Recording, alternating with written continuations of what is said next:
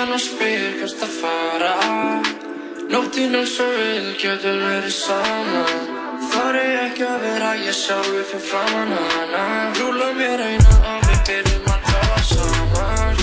Tala saman, alla virka daga, mellir fjögur og sex.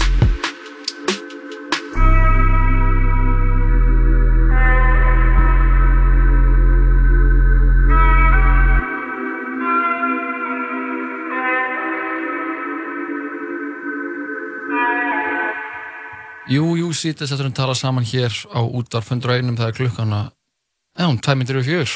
Já, hún er fjör og við erum hérna með þér Jóa og Lóa, við verum til sex í dag og sem góða förstu degi, Já, flottu fössar í dag, algjört haust veður og geggja veður. glugga veður og en við ætlum að, að gera einmislegt í dag, eða ekki? Jú, við fáum til okkar gesti, við erum með bæði menningarleg og, og djamleg. Já, við ætlum að fá, okkur, fá til okkar DJ jam playlistan. Já, við höldum áfram þeim góða sig, það fór DJ hinga í djamleglistan. Mhm. Síðustu vika var það DJ Egil Speil sem kom inn með þrjú essential lög fyrir gott jam. Hann var, hann fór inn í, alveg inn í það að vera á B5, sko. Mm Já, ég velti fyrir mér, hva, hvað DJ er þetta sem við erum að fá, Jói? Hvað Gunni? Skúla. Gunni Skúla. Já, DJ Steff. Hann, hann, er búinn að vera lengi í bransanum. Já, hann var að DJ sko ásvættirinn minn í 8. bekk. Einmitt og hvert ætla hann taki okkur? Á hvaða ferðalag förum við með honum? Hann er náttúrulega mikið í svona enga sangamunum og uh, síðan mikið á BFM líka. Og hvað þú veist hva... Ó, ok Jói opna bjór Jói afna, Kristall reyndar. Kristall En, Mexican uh, Lime Gott samt að hafa þetta hljóð sko. Já, Uh, svo fáum við til okkur tva- tvo réttöfunda. skálkonur Skálkonur. Það eru voru báðar ekki út lögubökkur Það eru vinkonur Það eru óformlegir umbósmenn Hvorra annarar Mhm. Það er hafa þekst lengi Mhm. Er þetta Brynja Hjálms og Fríða Ísberg Það er að koma til okkar, voru að gefa út uh, bækunar Ókfruman og leðurjakka viður Leður jakka veður.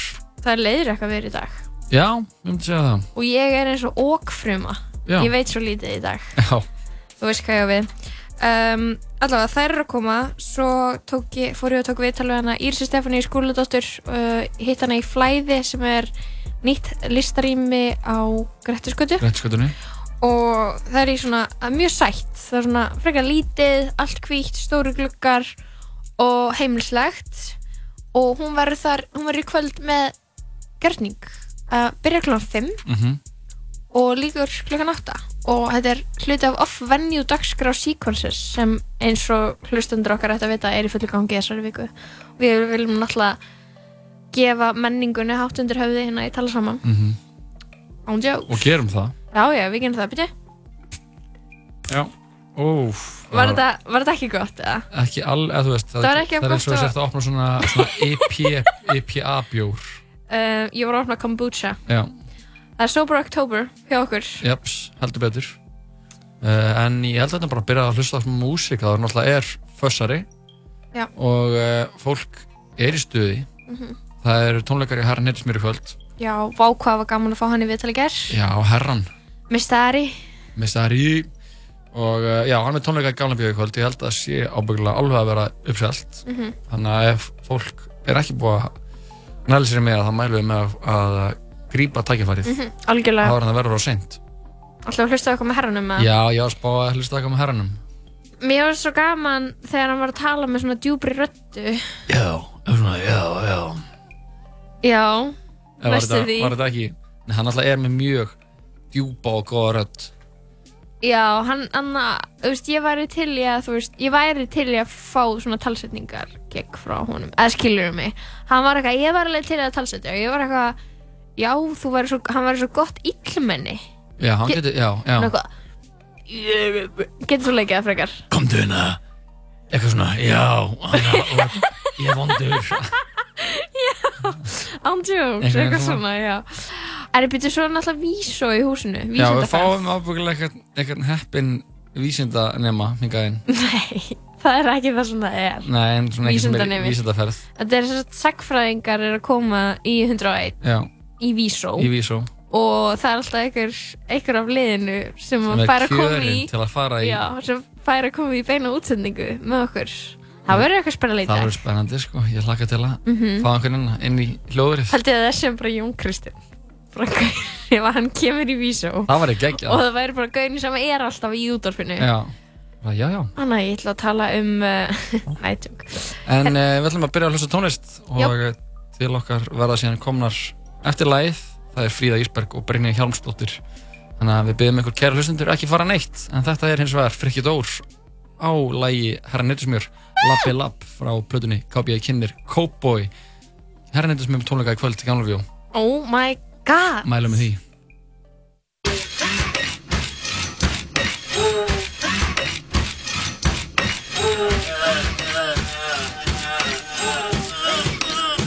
Cowboy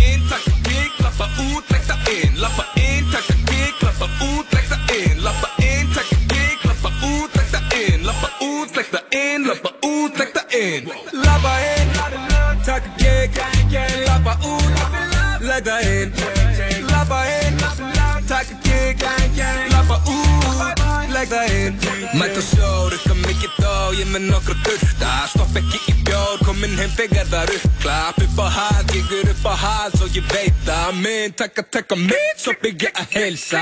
Umslag, já takk, sleppa borga smá skatt. Hvern hugsa þú um þegar einhver segir já mær Skáka fokki mátt mær, sjáðu hvernig þið láta. Þegar ég er tilkjöndur á ball er enga mynd að fá. Ekki bjóða mér að fá minn að borga þú freka drikki Tilgangslöst og freka rude ef þú spyrir mig Sjátt á R, mér líður smá eins og bent Því eftir borgun er ég farinn og það næst ekki í mig. Lappa inn, taka gig, lappa út, leggta inn. Lappa inn, taka gig, lappa út, leggta inn. Lappa inn, taka gig, lappa út, leggta inn. Lappa út, leggta inn, lappa út, leggta inn. Lappa inn, taka gig, lappa út, leggta inn. Lappa inn, taka gig, lappa út, leggta inn. Mér líður vel nokkurn veginn alltaf Með manni stess inn í bílnum en hún fanna Langa báka en hún finnur ekki besta minn. Ég er að geima nokkra hluti svo hann fari ekki inn. Ég vil hafa peningin, svartan og svíkurlausan Var að koppa sjálf gæfa sem ég þyrfti ekki kaupa. Lappa inn í nýjum skóm, lappa út í nýri skóm. Allt án þess að strauja, nei ég tengi ekki við aðra gaura Snemma heim, ég með peningin í umstægi Ég tek bara þátt í samræðum um pappi Ég kaft eitt út háseti, kópa bókur áleikin Gaurinn sem að borða mest er skýrður eftir áleiki Lappa inn, taka gig, lappa út, leggta inn. Lappa inn, taka gig, lappa út, leggta inn. Lappa inn, taka gig, lappa út, leggta inn. Lappa út, leggta inn, lappa út, leggta inn. Lappa inn, taka gig, lappa út, leggta inn út, leggta inn Ég kann sjaldan út ef ég kemst og bæjast upp maður Nokkur ár á beltinni sem leika ég rukka Viltu lagið þitt númer eitt á lista Ringdi mig, ringdi mig Besta ringi frikka Röddinn vinnar alltaf út við að heilsa þessum dút Ekki skóla mig um þetta, ekki um spáttinn Ár eftir ár er ég maður ásins Lappa, lappa, lappa, lappa, lappa, lappa inn, taka gig, lappa út, leggta inn Lappa inn, taka gig, lappa út, leggta inn Lappa inn, taka gig, lappa út, leggta inn Lappa út, leggta inn, lappa út, leggta inn Lappa inn,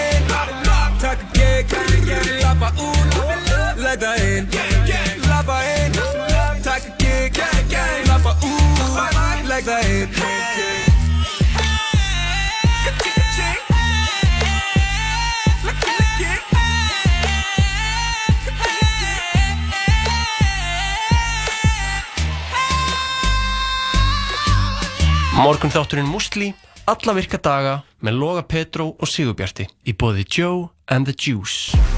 Tempóið verður hátt í Dominos deildinni í vetur. Á ekki öruglega að mæta á völlin. Dominos. Framlag Íslands til kvikmyndaveluna Norðurlandaræðus. Hvítur hvítur dagur. Komin í bíó. Hamburgerabúla Tómasar. Vatnið er eitt besti drikkurinn. Hamburgerabúla Tómasar. Núðlur, núðlur. Kíktu í núðlur. Nýs. Útvarp 101.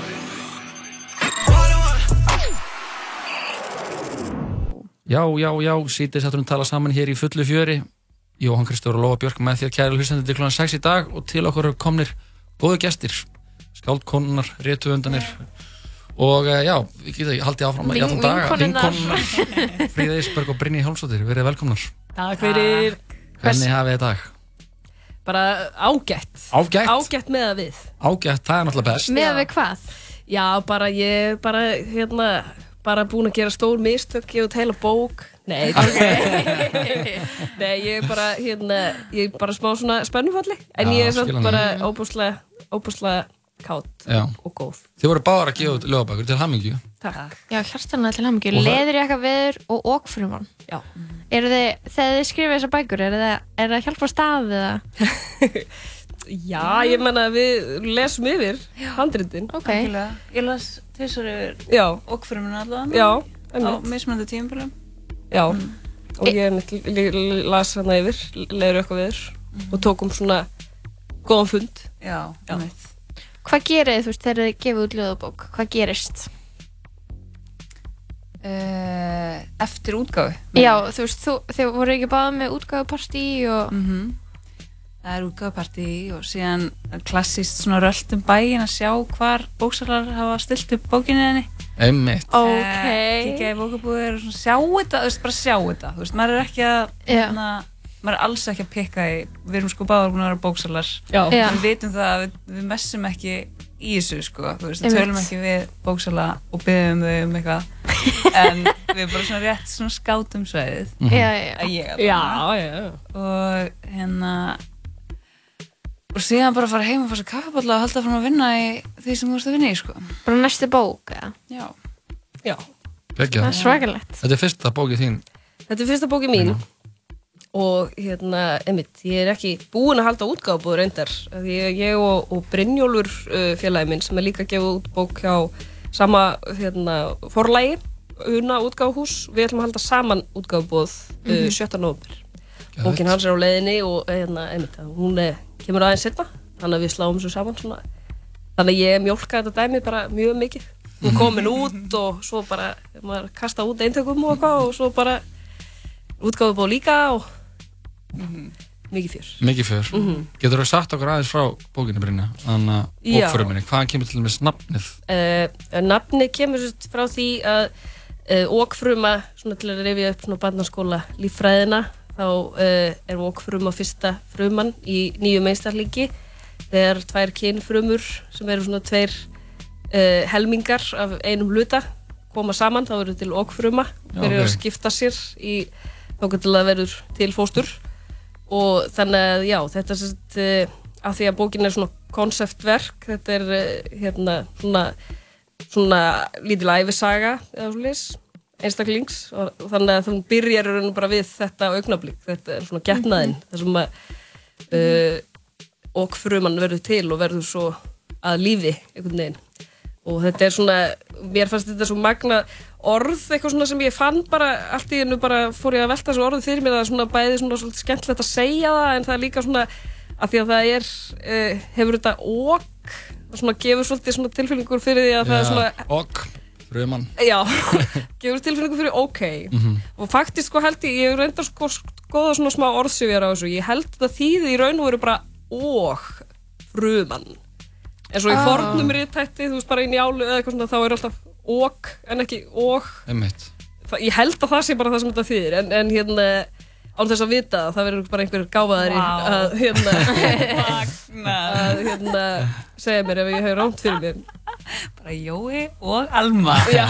og Frumann Frumann Ég en ég, held að ef fólk væri sko að fact-checka allt sem er sagt í þessum þætti þá væri Þetta vera bara hundruður manneskna bara í fullu starfi við það sko Nei, en í alvörni, ef það er eitthvað svona íslensku fræðingar eða líffræðingar eða eitthvað sem að vita mikið um orsjöfjar, þá er ég alveg til að vita meira.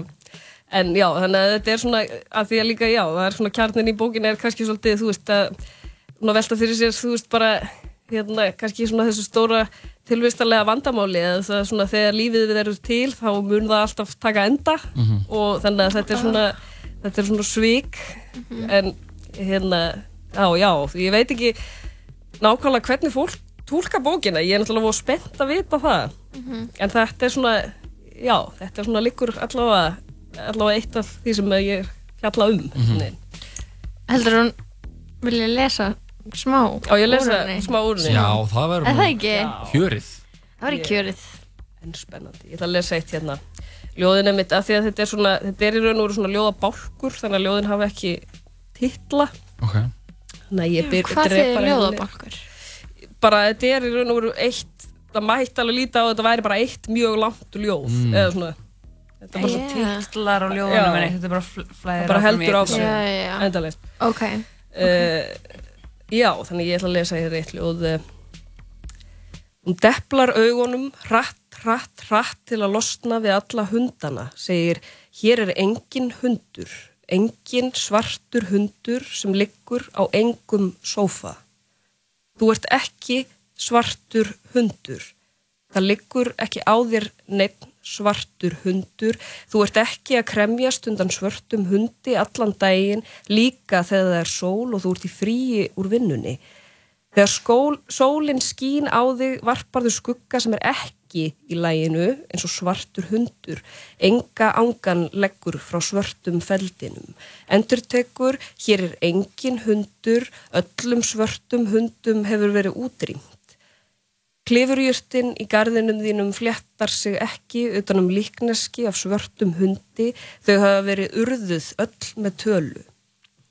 Þegar það er nótt er enga svarta hunda að sjá í felum uppi svarta húsveggi.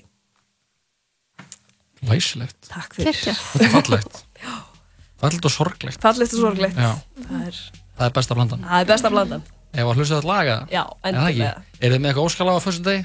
Oh, eitthvað með Cardi B. Eitthvað með Cardi B, það lýst með vel á. Við erum alveg þar. Þannig, eru þið búin að horfa á nýja þáttinn með henn á Netflix? Herru, ég er bara svolítið að horfa á hann. Hann er rosalega Rhythm and Flow. Rhythm and Flow. Það er svona, ég er búin að tala um hann inn í þættinum. Þetta er náttúrulega svona raunveruleika eða svona keppnistáttur eins og The Voice nema bara um rap. Já. og uh, já, bara æðislegt. Ég bara geti talað um hann í allan dag en skulum ekki gera það. Hlustum á eitt lag, höldum áfram að spjalla á starfsminu þetta er öskum á stund þetta er Cardi B, lagið hittir Drip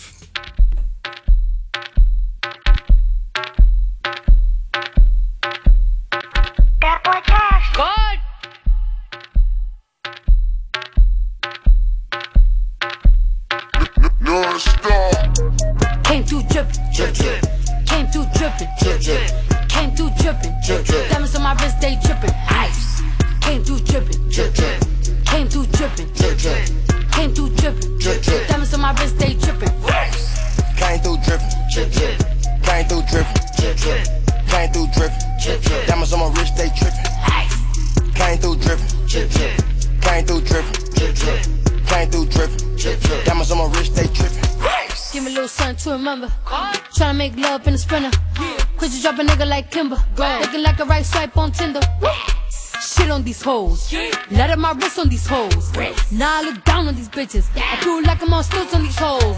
Fuck your baby daddy right now. And the maid got cake by the pound. Go down, eat it up, don't drown. Making cheese in a bow, how it sounds.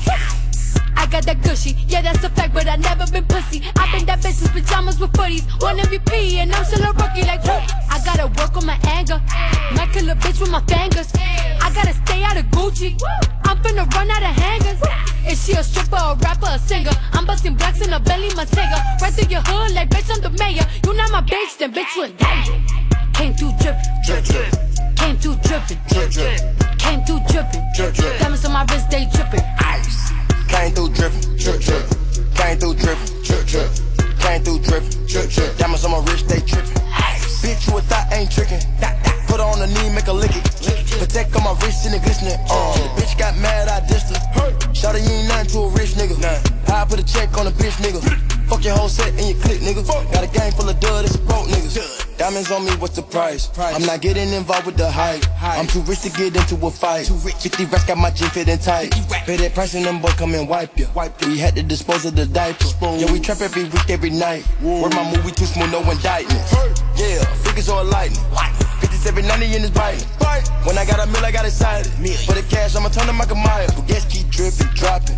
My wrist all liquid, watch it. Told the bitch, jump on my dick and pop it. Yeah, get a little bit to deposit. Came through dripping, drip, drip. Came through dripping, drip, drip.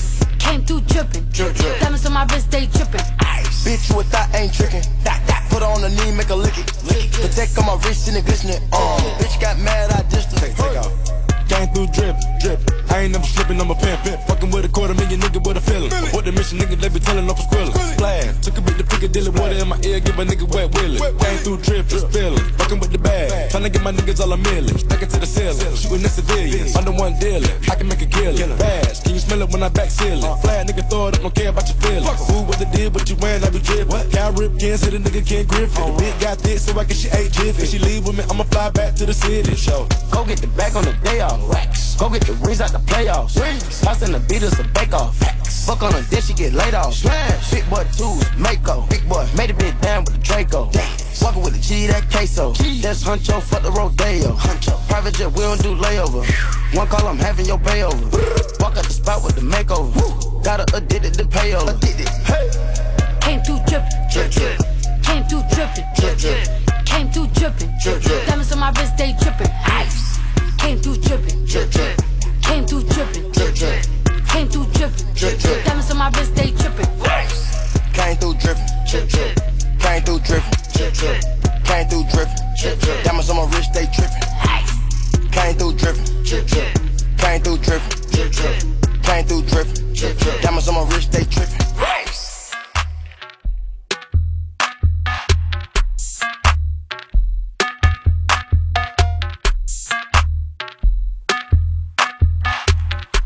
Cardi B á Migos leið The Rip af uh, plötu söngkonunar eða rap stjörnunar Invasion of Privacy sem kom út ára 2018 og vann Grammy-völun Nó. fyrir rapplötu ársins í fyrra Við erum með ljóðskáld í hljóðvörinu, Fríði Ísberg og Brynni Hálms og þeir eru ekki bara báða ljóðskáld og vinkonur heldur eru þeir líka hæpmenn hvor annara, eða ekki?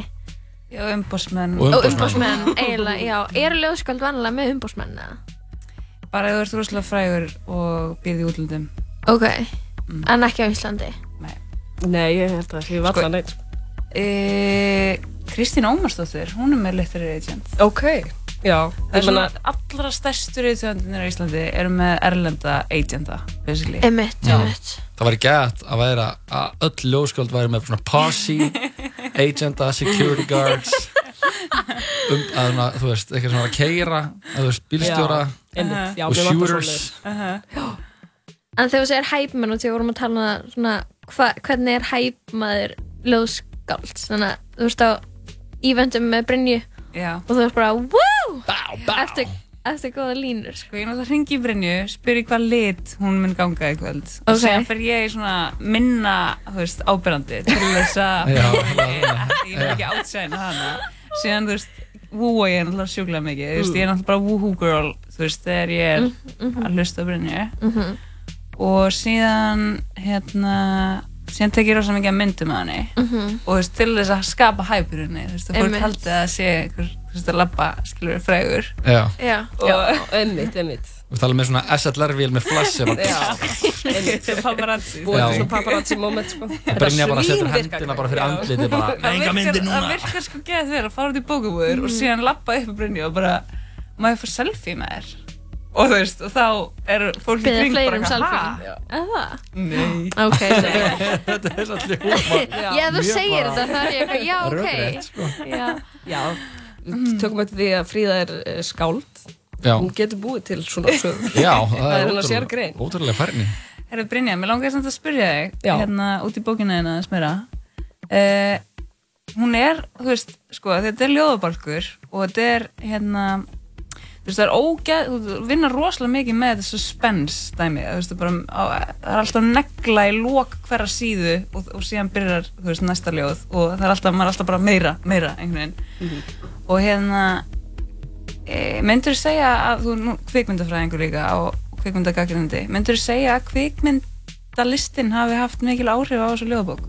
Já, ég myndi alveg hygglust segja það sko. Eh, Það er svona, það er ákveðu svona kannski maður er alltaf í gegnum ljóð í, í gegnum textakunir að reyna að búa til myndir. Og það er svona svolítið, eða svona, já, búa til eitthvað svona moment, þannig að það má alveg líta á það þannig ég, og ég held að það yrði aldrei hjá því komist einhvern veginn að ég er alltaf mjög unnblásin bara af bíói því ég er alltaf að horfa á bíó og það er svona þannig að ég nota svo sem alveg svona þá tækni svolítið og þetta var líka svolítið merkilegt að ég átti til þessa texta og svona. En það fór mikil svona tækni vinna í að gera þessa bók ég er alveg að reyna að gera hana spennandi. Mhm. þú veist, hún, hún, hérna, og það er svona endurtekin moment þú veist, sem kemur, koma inn og út. Og það er hluti þetta líka svona innblásið af því að það er svona, það er svona karakter í bókinni sem er svona martrað útgáf af grámanni í garðshorni sem er svona það?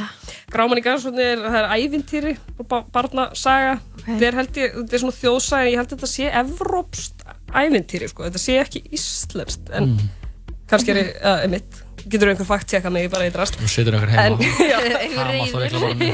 en þú veist, hann, hann er svona hérna, hann er svona hérna, maðurugni sem sprettur fram úr engu og svo hann komur í ljósa, hann er svona konungsson og, hérna, en þetta er svona þjóðsaga, þú veist, þannig að hún er svona endurtekning, hún byggist svolítið á endurtekningum. Hann er svona uh, kongurinn í landinu svona challengear grámann til þess að uh, svona, hérna, leika á sig. Og hann er eitthvað, ef þú nærið að leika á mig þá, da, da, da, og svo gera hann það, þú veist, þrísvar þetta er svona sígilt, þú veist, og og hérna, og það er svona sömu orðin og svona sömu hluti sem koma fram oft og það er svona, já, það var alveg svona inspiration líka, sko.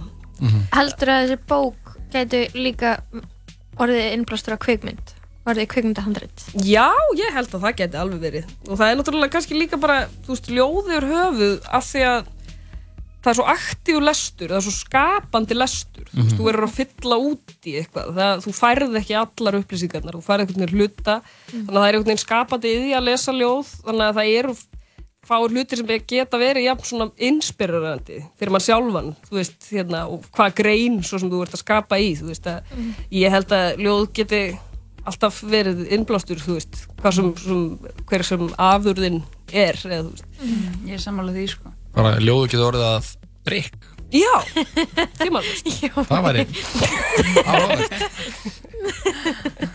En Fríða, getur þú kannski aðeins átt okkur líka frá bókinni þinni? Já, já Hún er leðurjakka veður Emitt. Er leður eitthvað viður í dag? eða? Uh, sko, þetta er e, le, sko, þetta leðurjakka veður það er náttúrulega svona innra ástand að það? Já ok það er ekki, það er, ekki- þetta er ekki veður, veðurfræðilegt hugtak ok, ok uh, ég ætla kannski bara að byrja að lesa fyrsta ljóð bókarinnar, er það í lagi? Endilega.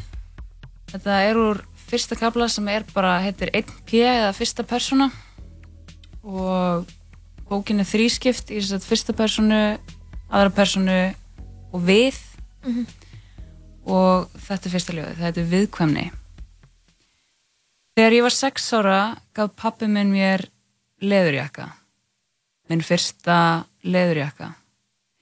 Hann hefur þekkt á einn skinni að þau viðkvæmu þurfa vörn. Hann sagði, ef þau stríða þér, hlæðu að þeim. Skilningur kemur í lögum, ekki eins og húð, heldur setberg. Kemur eins og reikski á eftir jeppanmanns pappa míns, með hlátri sem högtir í takt við vélina, hlátrinum sem heyrist bara þegar honum sárnar. Og ég veit ekki, bótnaði eitthvað í þessu? Já. Þetta- Ég, þetta er alveg bara, Mhm. það er allavega skýrt. Já, mér ég hef alveg farið allavega mynd upp í höfuðið, sko.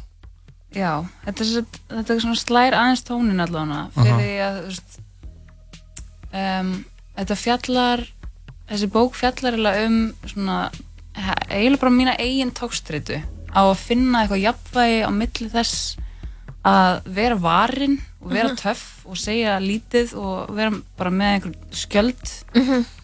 uh, og þess að vilja ná sambandi og berskjálda mig og bara reyna að klæða mig úr þeim lögum einhvern veginn, og ná Mhm. tengingu við annað fólk og þú veist og hérna og þú veist og það er svo oft náttúrulega þannig að veist að það er svo oft ef einhver er eitthvað svona shitty eða leiðilegur eitthvað og segja alltaf þú veist að þetta er ó, hérna, óryggi bara og þú veist og auðvitað þú veist þá er þetta við erum alltaf að reyna að fylla upp í eitthvað sem við erum ekki þú veist Mhm. þannig að ef við erum órygg þá auðvitað blásum við út og, Mhm. og þetta er einhvers konar þú veist útþensla á sjálfinu sem verður til staðar einhvern veginn Mhm. uh, og það er töffarinn veist, í mínum huga þá er það hérna veist, þegar ég sé fólk í leðurjakka og þegar ég sé fólk með sólgleru þá bara sé ég vörn veist, Mhm. og þá sé ég að þessi manneski er viðkvæm veist, Mhm. og mér finnst það svo augljóst Mhm. og, veist, því, og ég þekki það því að ég er þannig veist, Mhm, og ég er mhm. ógslag viðkvæm og ég þarf að verja mig einhvern veginn, veist, Mhm. því að auðvitað þegar ég vil ná tengingu við fólk og vil bergskjelda mig einhvern Mhm. veginn og, og vil einhvern veginn bladra að vera óslega sjálfsgaggrinin Mhm. að þá kemur það svo eftir baki á mér þú veist, þá fæ ég einhvern veginn móral yfir því að gefa eitthvað sem ég átti ekki að gefa Mm. Talvisku bit já, talvisku bit eða gjamvisku bit Mhm, eða mhm. orðaþinga eða hvað sem að fólk kallar það Mhm. Allt ný orð fyrir mér sko. já þú kannski þekkir þetta Ég þekki þetta Við ekki. tölum mikið um gjamviskubiti sko. Já. Við höfum oft, við eh, það er verið illa já. haldnar af því. Vá, ég, ég, ef ég myndi vita hvað það væri þá væri ég alltaf með það. Ég held ég að fengi svona gemmusku bit eftir að ég byrjaði þættinum.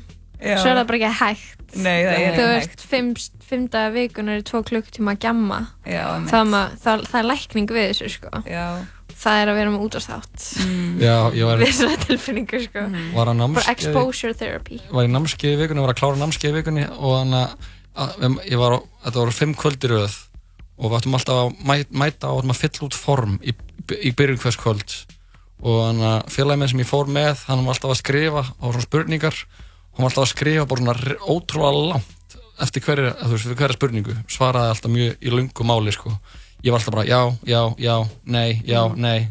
Þegar ég benti á náða, vá, þú ert alltaf hefur mikið að segja hann eitthvað, já það er bara svo sjaldan að eitthvað beðið mig um álit. Það er bara mín að skoða ég er bara svona, já, ég tengi ekki við það. Veist, ég er Nei. bara tíu klukkutíma á viku og ég er svona að gjamma. Að gemma sko. Þannig að já, þannig að og hefur þetta verið svona er, þetta tókst þetta sem við fundið lengi fyrir? Hefur þetta verið bara sem við varst unga Já, algjörlega. Það líka, þú veist, ég elst upp, ég elst upp hjá einstæðum föður, þannig að, þú veist, og hann er algjör töffari, hann gefur mér liði eitthvað bara fyrsta skipti í þryggjara, þú veist, og síðan óks ég bara upp úr þeim og hann gaf mér alltaf nýjan liði eitthvað, þú veist, og hann kendi mér svo mikið þetta, bara svona að vera varin og, þú veist, og hérna, uh, og bara einhver svona hörku þú veist, og þannig ég finn það svo mikið að þegar ég verða óurögg þá kemur einhver svona algjör frontur og síðan þegar maður þroskast þá er maður að reyna einhvern veginn að vinna í þessu en þetta er náttúrulega líka bara ef við skoðum veist, síðan, og, veist, það er í rauninni ekki alveg bara það sem ég er að fjalla um hérna heldur líka kannski bara samfélagið aðeins að þú veist, á síðastliðinum áratug þá erum við bara að fara úr einni, einu siðferði í annað veginn, Mhm, mhm. eh, sem er þú veist í kringum 2007, kringum aldamót þá erum við bara fake it till you make it bara alfa, alfa siðferði mm Mhm. það sem það er, þessi útþensla er bara í, hún er bara prítsuð og pretikuð, bara þú átt að haga þér svona til þess að meika þér sem heimi. Mhm. og síðan auðvitað fer, þú veist, boltin að rúla einhvert annað því að þú veist, það kemur krafa um mótvægið við þessu í rauninni. Kemur feminismi, kemur hérna, netið, þar sem við getum tjáð okkur. Og þá allt í hennu segir fólk heyrðu, þú veist, þetta siðferði það bara henda mér ekki alveg þú veist, ég er bara frekar gölluð. Ég hef orðið fyrir ofbeldi, ég er þú veist, veik einhvern veginn veist, ég er bara, ég veit ekki, aðeins öðruvísi heldur en þessi box þetta box sem að samfélagi að reyna að setja mig í Mhm. sem er það að vera alfa veist, Mhm. og skara fram úr veginn og, og vera harður og, og flottur og gallalaus og þá er ég að skoða þú veist líka bara um, þú veist við erum komin úr því og, og, og þú veist þess, þessi afurð í rauninni er að þú veist er í rauninni bara einlægni eða berskjöldin þú veist það er verið að sækjast eftir einhverjum sannleika á móti þessu veist og hérna og mér finnst þetta bara sjúklega áhugavert að skoða þetta því að núna er fólk verið svo þreytt á því að fólk sé verið píslavottar og að það sé allt sagt og þú veist við- Og og, og það ver, vera að manipulera einlegni og, Mhm. Og, hérna, og selja sársökan líka að það sé orðið að einhverju söluvöru þú Það er að 100% eða skilur það er bara annað hver áhrifavöldur með storytime Mm. í Instagram stories Er að það sársökun selur það Já. er bara þannig Mhm. en þú veist, sársökun er samt til staðar Mhm. það við erum ekki að gera lítið úr honum Nei, nei. En, en, þú veist, en það er mjög eðlilegt að fólk segir já, ok, svona næ ég til fólks og ég næ kannski einhverju tengingu við fólk þú veist, Mhm. bara grunn einingin í samkend er sársöki veist, það er miklu öðuldra að finna til manneski ef hún þjáist heldur en þegar hún hlær. Þú veist, það er bara svona, við erum prógramið til þess. En að hérna, þetta er, já þetta er ógustlega áhugavert Mhm. einhvern veginn að, að skoða þetta. Þú pælir mikið í því hvernig þú tengist öðru fólki og, og samskiptiðinu við annað fólk. Mm, Já, ætli það ekki. Maður, þú veist, kannski líka bara það er komin einhver innri krafa hjá mér að vera bara heiðarleg gagvart mér og öðru fólki Mhm. og þú veist og hérna en ég held að þessar pælingar komi miklu frekar af því að ég gaf út ljóðabók, fyr, minna fyrstu ljóðabók fyrir tveimur árum Mhm. sem var svolítið sásökufull Mhm. og þá fór ég í, í þessa þingu þú veist, þá fór ég í þetta berskjöldunar þingu dæmi bara, vera bara, gaf ég gaf ég á mikið, þú veist, var ég að selja minn einn sásöka, veginn Ertu að tala um slitförun eða Já, já slitföruna. ok, Já Já, og hérna, þannig að þú veist, það var svolítið svona, Mhm. þú veist, að, að ég byrjaði rauninni bara að skrifa þessa bók áður, rétt áður en að slitfjörn kemur út. Ok Þú veist, bara mánuðinum áður. Mhm. Þannig að hérna, Það er ótrúlega áhugavert að, að opna sig og vera ótrúlega persónulegur og fá bara síðan að bömmar yfir því Já Skilur og vera bara En það er samt þannig líka út þegar fólk er svo ótrúlega ánægt með mann þegar mann gerir okkur þetta sko opna sig og er gett innlægur það er svona gett veitt mikið viðurkenning Mhm. í, Já. er það ekki? Jú, ég held líka, þú veist, að ég meina Fríða er náttúrulega, þú ert uh, svo óbúslega snjöll líka í að fólk finnur sér svo mikið í textunum Mhm. sem að þú skrifir, sem ég held að sé að mjög stórum hluta að því að það er rosalega mikill sannleikur í þeim Mhm. sem er, þú veist, e og í raun og veru þú veist, kannski sértækt en það er svo oft einhvern veginn algilt þú veist. Uh, bara hlutir sem maður kannski ekkert endilega velt fyrir sér en þú veist, þú, hérna, það er einhvern veginn hlutir sem þú getur alltaf sett inn, sko. Það er líka svona einhvern og veginn þú ert spurning best. Já, það er líka einhvern veginn, þú veist, af því að það er líka í framsetningunni held ég er líka sannleikurinn.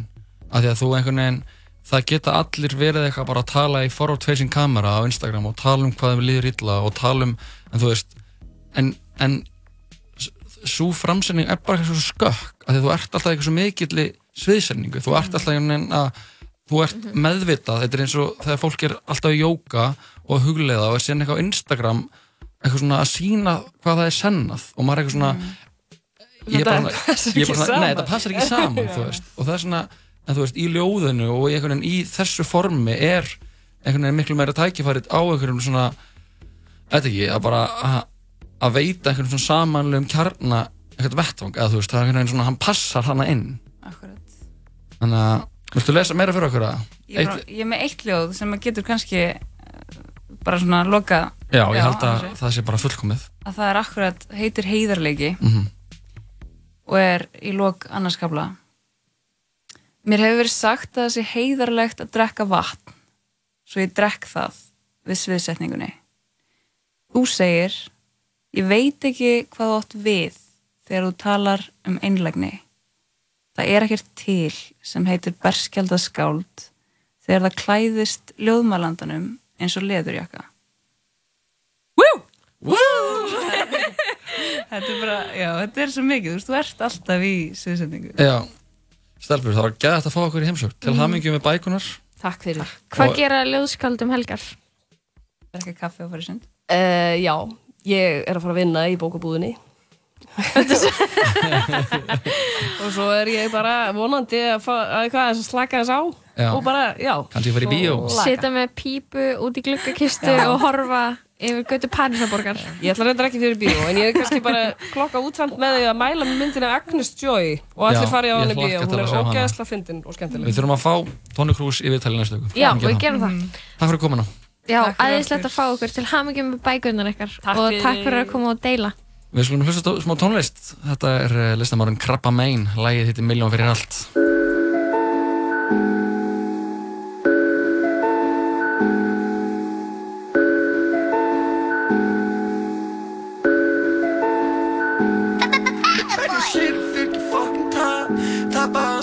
Ástæða, strákar vilja hafa það.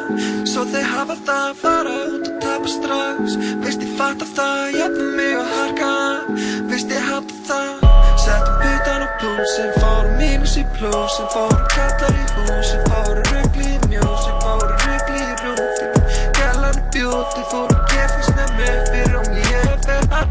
Ég get ekki sofið og ég næ ekki að vakna Ég er komin og langt til þess að komast tilbaka Þessi vefur er of og ég vað mér fast Sjáðu hver ég er on? Sjáðu hvert ég mun fara Ég get ekki sofið og ég næ ekki að vakna Ég er komin á til þess að komst í barn Ég get ekki sofið og ég næ ekki að vakna Ég er komin á langt Ég vil bara bæti fyrir allt sem ég hef gert. Þarf að taka ábyrgð á öllu sem hefur gerst Ég vil fara upp meðan enginn er fyrir mér Þarf að taka á því sem ég hefur yfir sérst Ég vil bara bæti fyrir allt sem ég hef gert. Þarf að taka ábyrgð á öllu sem hefur gerst Ég vil fara upp meðan enginn er fyrir mér Þarf að taka á því sem ég hefur yfir sérst Hluti gerist og hann fer eins og fer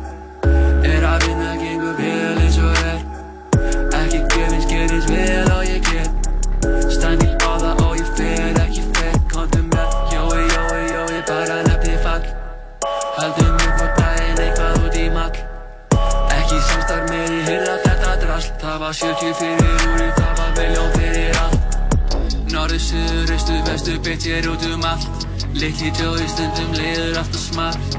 Get ekki lofið, nei ég segi alltaf satt Ef ég tek við þess að beigju getur það kosta mig allt Ég get ekki sofið og ég næ ekki að vakna Ég er komin á langt til þess að komst í barn Ég get ekki sofið og ég næ ekki að vakna Ég er komin á langt Ég vil bara bæti fyrir allt sem ég Þarf að taka ábyrgð á öllu sem hefur gerst. Ég vil fara upp meðan enginn er fyrir mér. Þarf að taka á því sem ég hefur yfir sérst Ég vil bara bæti fyrir allt sem ég hef gert. Þarf að taka ábyrgð á öllu sem hefur gerst. Ég vil fara upp meðan enginn er fyrir mér. Þarf að taka á því sem ég hefur yfir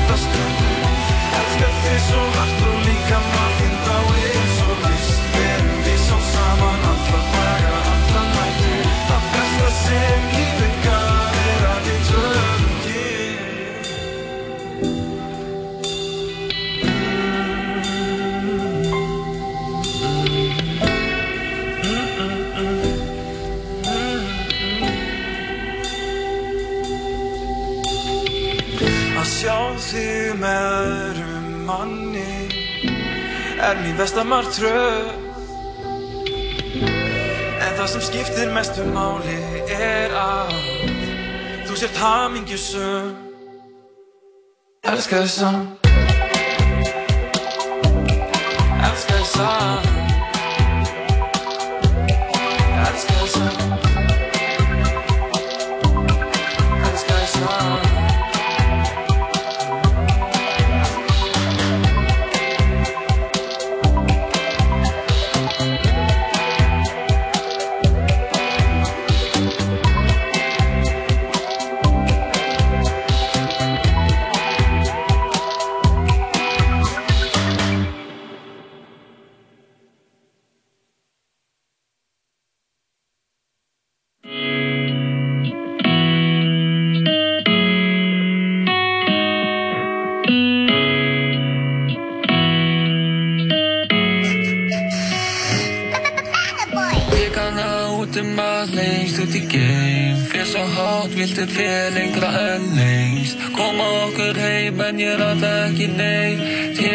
Meira það sem ég þóli þeim kann að út um að lengst út í geim Fyrir svo hátt viltu fyrir lengra en lengst Koma okkur heim en ég rata ekki nei Tek meira það sem ég þóli þeim Þólimóði búinn að vera að gera þetta í aldir Ég er ungur en alltinn hann er eldri Kútanir með valdi ég var yfir, ég var valinn Og með þessi tímabil ég var alveg farinn Sérum mig passar að ég komist ekki í eldin Sérum bregði ekki að þú fyrir smekki. Gæla manni samt ekki farinn Vissu kanni hún er þannig kanni glæpi illa tamin En ég er ekki lengur lengur að vera manni. Gerir þetta ekki að maður í gami Spara þessi öfni svo séu alltaf réttir. Borða vel, vísa núna alltaf Ég kann að út um að lengst út í geim. Fyrir svo hátt viltu fyrir lengra en lengst. Koma okkur heim en ég rata ekki nei Tek meira það sem ég þóli þeim. Ég kann að út um að lengst út í geim. Fyrir svo hátt viltu fyrir lengra en lengst. Koma okkur heim en ég rata ekki nei Tek meira það sem ég þóli þeim Komin út í game, stelpan er game En ég rata ekki heim. Er ekkert eitt einn, kútan er feit Ljúandi en ekki plain. Sjóma kæleitt, einn átt um mig Hitt átt hitt og ég með mig Hún svo sæt, það er ekki mig Kjast ekki það, en hún bein Vild að sé mig, vild að dritt Hún er alltaf mein Er ekki leim, sér ekki nei. Tegur dómin á sitt deim Kútan gang, það er ekki neinn. Púla upp á ykkur einn Get ekki mein. Fjöla það leið, lengur en lengst. Ég kann að út um að lengst svo hátt viltu fyrir lengra en lengst Koma okkur heim en ég rata ekki nei Tek meira það sem ég þóli þeim Viltu að hoppa, greisa sér nefn að senda múti á það Já, þetta er rapparinn Drengur, lagið Lengra en lengst. Við vorum að hvaða það er Brynju Hjálmsdóttur og Fríði Vísberg sem voru að gefa út ljóðbækunar og frumann og leðurjakka veður. Allt svona næst að fá þær í spjall. Já, það er svo gott að fá fólk sem getur svona kjarnað hugmyndar sínar. Er líka bara svo gaman að tala við gáfað fólk, fattur þau? Og það er ekki, það er ekki, að tala við heimst fólk. það er, það er ekki í alvegni gáfað fólk og, og rödd þeirra, hugmyndið þeirra vera ekki með nóg stórum plattform á Íslandi. Við erum fyrst og fremst alltaf að hlusta heimst fólk. Já, þetta er náttúrulega, Alþingismenn, já, fólk á samfélagsmiðlum, því heimskari því vinsælli. Go off, sister. Þú veist þetta er satt. Já, Þú ert ég- að hlæja út af því að sannleikurinn hann It's er... funny because it's true, eins og Mhm. ég sagði. En uh, við höldum áfram hér í þættinum, það er nóg eftir, hérna eftir öskumarstund. Er nóg eftir?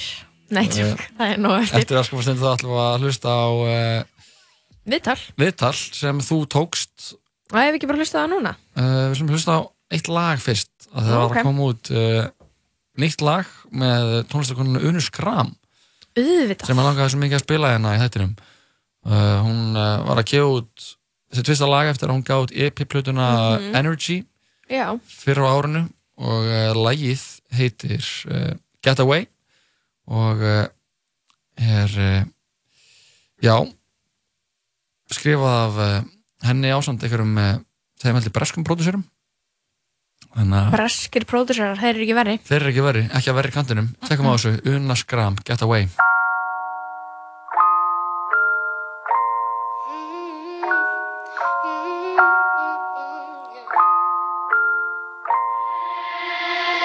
like I'm riding with tinted windows, head like you can't see me. Don't acknowledge, don't come near me. I don't want nothing to do with you. Don't want you trying to talk to me. Imagine it's illegal. Imagine you get locked up for coming up to my face.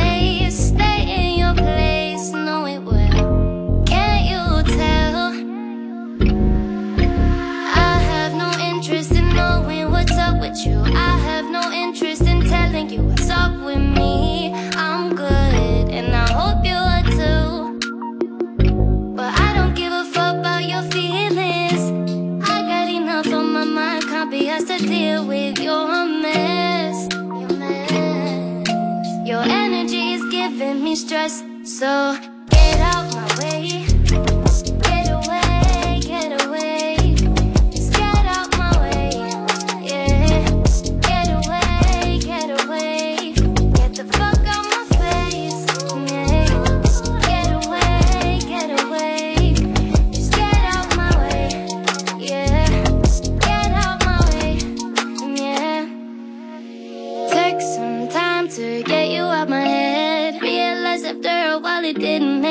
make to waste any time.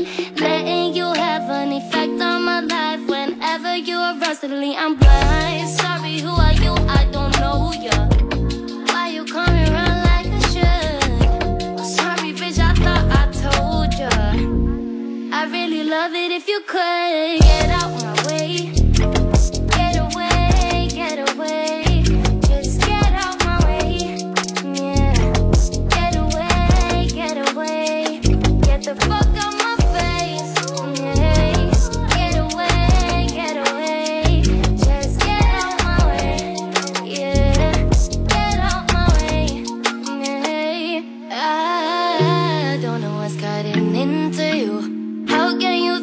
can just talk to me after everything you put me through? I'm finally confident enough to make a move and tell you to just get out my way. Get away, get away. Just get out my way. Hey.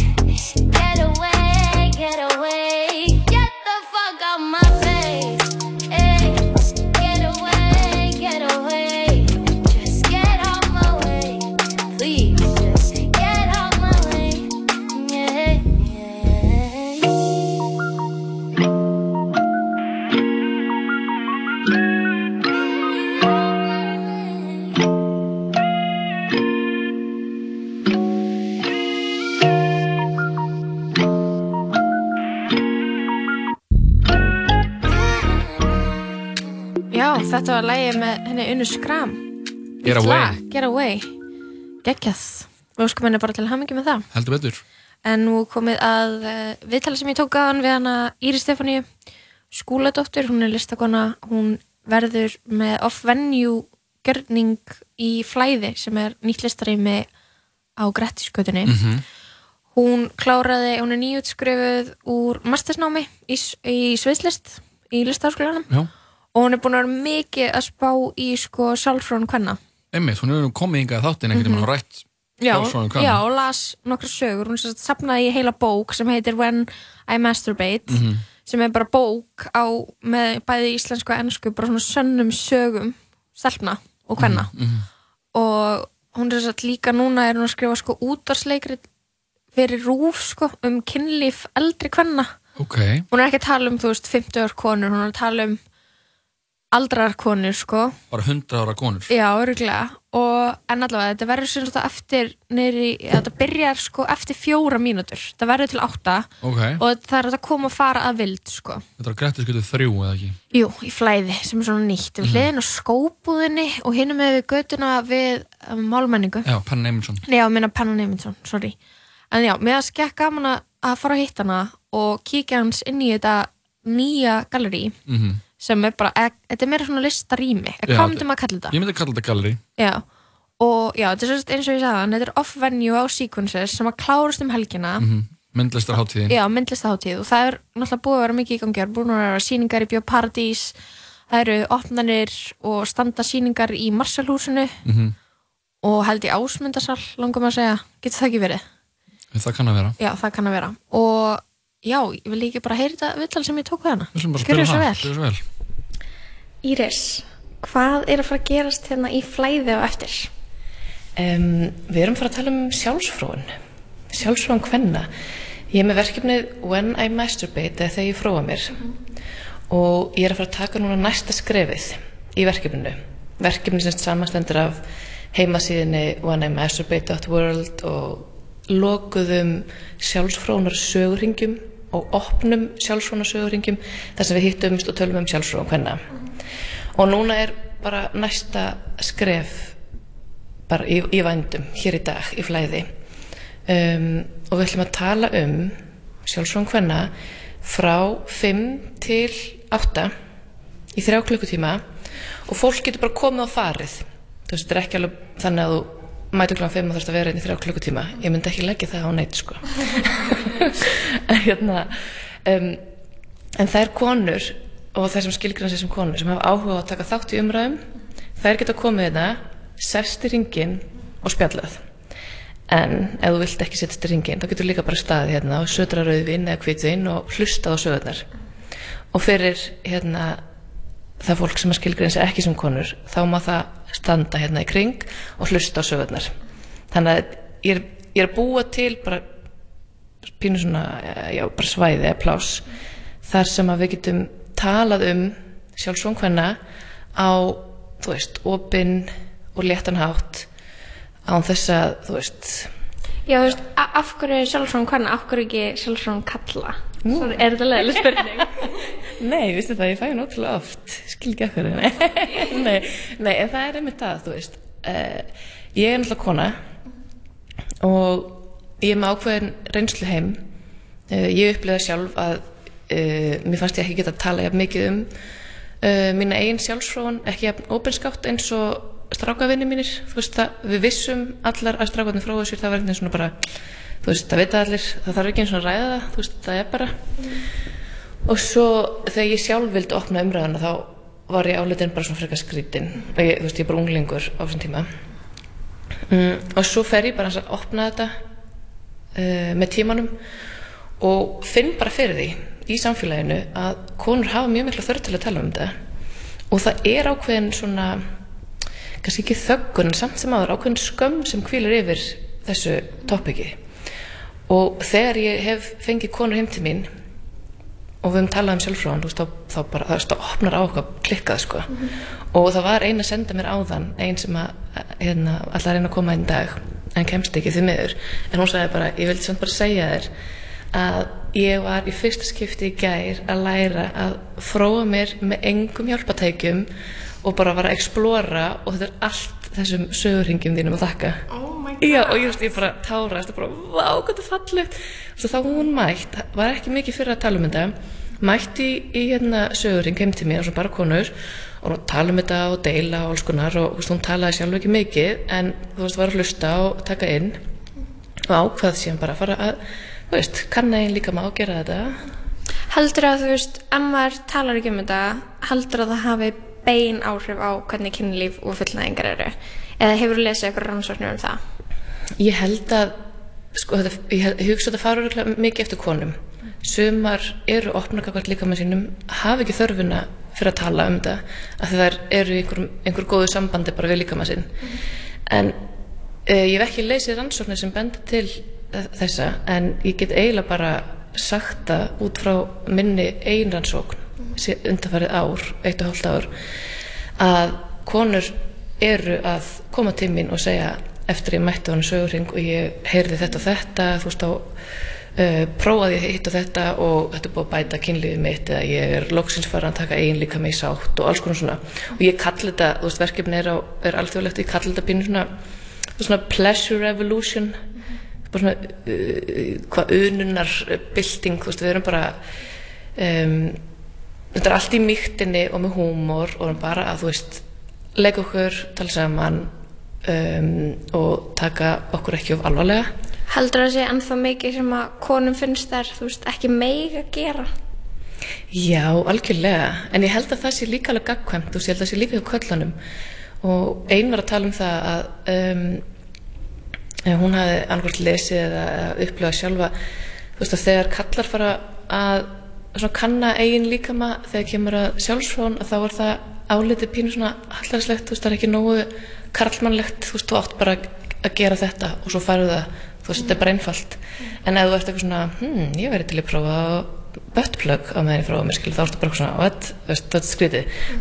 Kallar hafa ekki jafn, mikið leifi til þess að um, leika sér eins og konur. Þú veist, konur eru kvarta til þess bara kiftu egg, kiftu viðbróður, kiftu þetta þetta er að prófa þau en það er aldrei talað þannig við kallana sko. Þú veist, þeir eiga bara þetta er bara einfalt, bara gerir þetta svona allt kjöfti, þú veist. Er næsta skref bara sjálfsfrónar ringur kalla? Nei, ok, það hljóma smá sækó.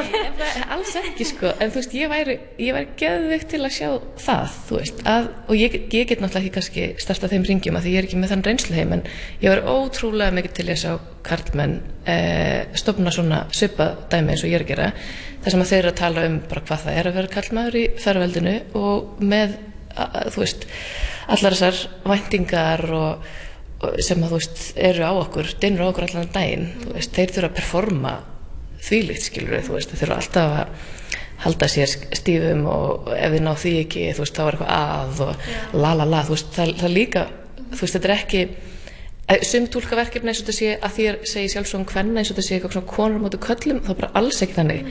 Þú veist, þetta er bara, við erum bara hluti einhverju kerfi þar sem að, þú veist, það eru mismönda væntingar til kynjana um, og já, mér langar bara að þú veist, díla við akkurat þennan vingil bara konuna og henni sjálfsfrúin Algjörlega, um, já, ég er með pælingu því að það er föstudagur og það er helgi. Heldur að verði mjög gröð stemming á eftir? ég vona það ég vona að vera bara, þú veist bara komur úr að neðan, skilur undir lók kvöld Herði, takk æðislega fyrir spjallið. Takk fyrir mig.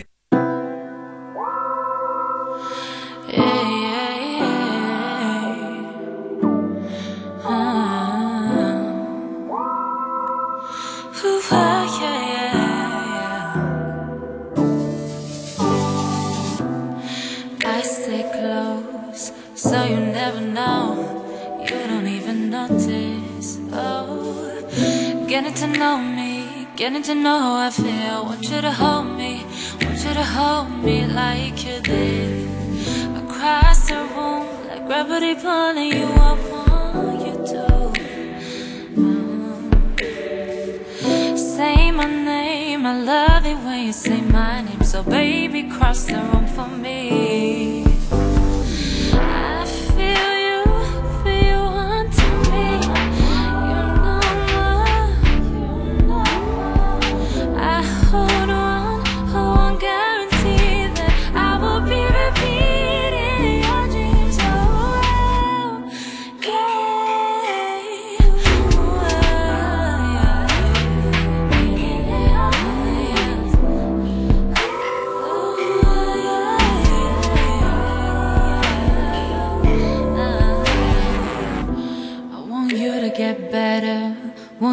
Fight them off.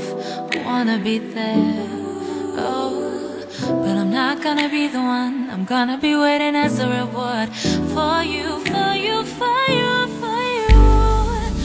Across the room, like gravity pulling you. I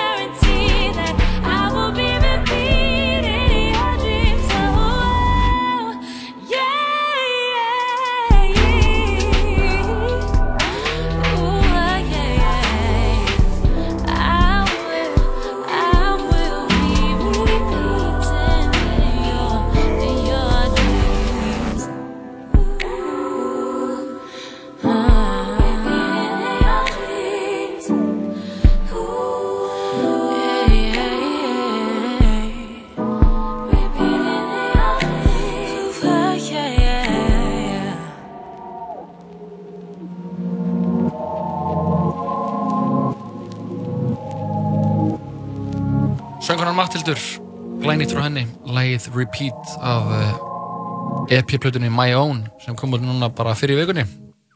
Hún held útgáð tónleika á. Sem að víst, það var víst bara uh, greiðlega góð stemming þar. Það var pakkað, síndist mér. algjör veistla, sko. Mhm. En uh, Lóa, það er nú komið að því að við tölum aðeins saman hérna. Um sexy fössara. Þetta er- Djefaf greinin Haldur horfði að klá með vinnu sínum og það þróast út í það runga hverjum öðrum og svo út í tótt. Uh, Var ekki það sem þú ætlaði að tala um? Jú, jú, jú, ég ætlaði einmitt að segja mér frá þessu, Það hvað er, er þetta? sexy fössari. Já. Æ, ég, ég veit ekki hvort mér langar að tala um þetta. Uh, en þú veist, þetta er ógeðslega skrítin grein. Uh, og því að við vorum að segja, vorum að, ég var náttúrulega að taka viðtal við hana Íri Stefani um sko þessa sjálfsfróna sögur ringi Einmitt. og eitthvað svona hvað það er síðan mikið eitthvað svona tabú eða þú veist að það er alltaf þegar það eru konur skilur við Mhm. þá er alltaf ógslag fallegt. Þegar kallar runga sér þá Það er það svona það er grottarlegt og svona aldrei sínt á okkur skilur við ljóðrannan hátt. Nei. alltaf bara svona það skilur við þannig að það mút svona væpi yfir því og þú varst að segja þú trúður ekki já nei nei nei já ég miskildi þig. Mhm, þú miskildir svona mig. rungringir Já, hvort þeir væri þeng? Þeir eru þeng. þeir eru þeng. Já, veistu um marga slíka? Um tugi. Tugi rungringa sem er á, á hverjum degi nei, ég get meðan. ekki sagt að ég viti. Heyrður aldrei um svona í, í grunnskóla að einhverju vinu var að hittast og horfa klám og runga sér saman Nei, það var meira svona að bara horfa klám saman. Og, bara ekki gera neitt Já. Stu viss? Ég ég gerði það þegar ég var krakki, fóruð bara heim til félaga míns sem var með mér í bekk. Mhm. Hann En átti klámsbólu. Gerðu Ég það bara horf- einu sinni Já, já, ég fór bara með í þetta partí einu sinni en- og það bara voru bara, hor, horfðum aðeins á klámynd og voru bara eitthvað, vá, geðið, sem bara, Hvað voru þið gamlir? uh, voru 25. Nei, þetta, ætla þetta hafi ekki verið í svona sjötta bekk, kannski, fymta Ok, bekk. Þannig voru alveg byrjar að vera horny á þeim, þú veist, þetta var ekki skilur fyrir kyn... Þetta Nei, þetta var ekki svona, eða þá, þá farið að láta kreila sér Mhm. uh, þessi, þessar kvatir og uh, já, en það, var, það, var, það kom aldrei eitthvað svona upp í allan upp í höfuð á mér að ég ætti ekki að Mhm. fara að ganga eitthvað lengra hana það hefði mig þótt óvið eigandi Sko, hann að það er náttúrulega fréttin á makamál hjá Vísi skrifað af ásuninu Péturs Aha. Stundir langar mig bara að leika við lim og það er sérst frásagn Karlmanns sem að þarna einhvern veginn er held ég að lýsa því að langi að sko sofi á karlmönnum Mhm. og gera eitthvað þannig en ekki vera gay skilur Já, og hann hefur oft pælt í að hann sé tvíkinniður þá myndi hann segja að hann væri 80% skakkinniður og 20% tvíkinniður einmitt.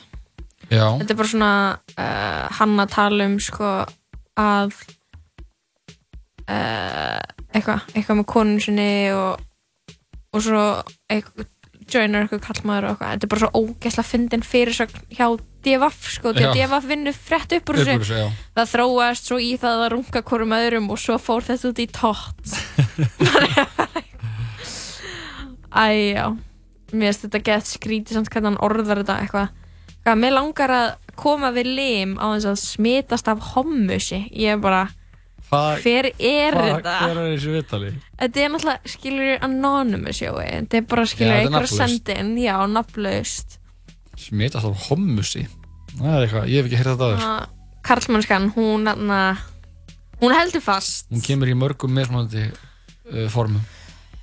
Já, eða þú veist, ég er að segja Eða þú veist, já, ég veit ekki. Er, er komandi kynslaður Yngra fólk en við? Er það eitthvað að stressa sig eða mikið á hverjum það sefur hjá Er við mm, Eða hverjum þið langar að sofa hjá Ég held að, ég, held að já, segja ég minka, held að sko sé, það er alveg að verða ég held að sé ábygglega bæði að verða sko auðveldara eða þú veist, frjálslegra og íhaldsamara Heldur það? Ég held það. Ég er ekki að finna fyrir íhaldsamri bylgju, sko Nei, það er líka, ég held að sé kannski þetta bara Hvernig þá? Ég held Hvernig að þá? bara þeir sem eru í karlmennsku menningunni, þessari gömlu heimsmynd Já. fylgir oft íþróttum Já, ég held að þar sé að verða greipið ábygglega aðeins fastar á þessari Heldurðu það? Ég held það sko Vá. Af því að Ég bara, eins og ég hef talað við hann að mentaskóla kennara Mhm.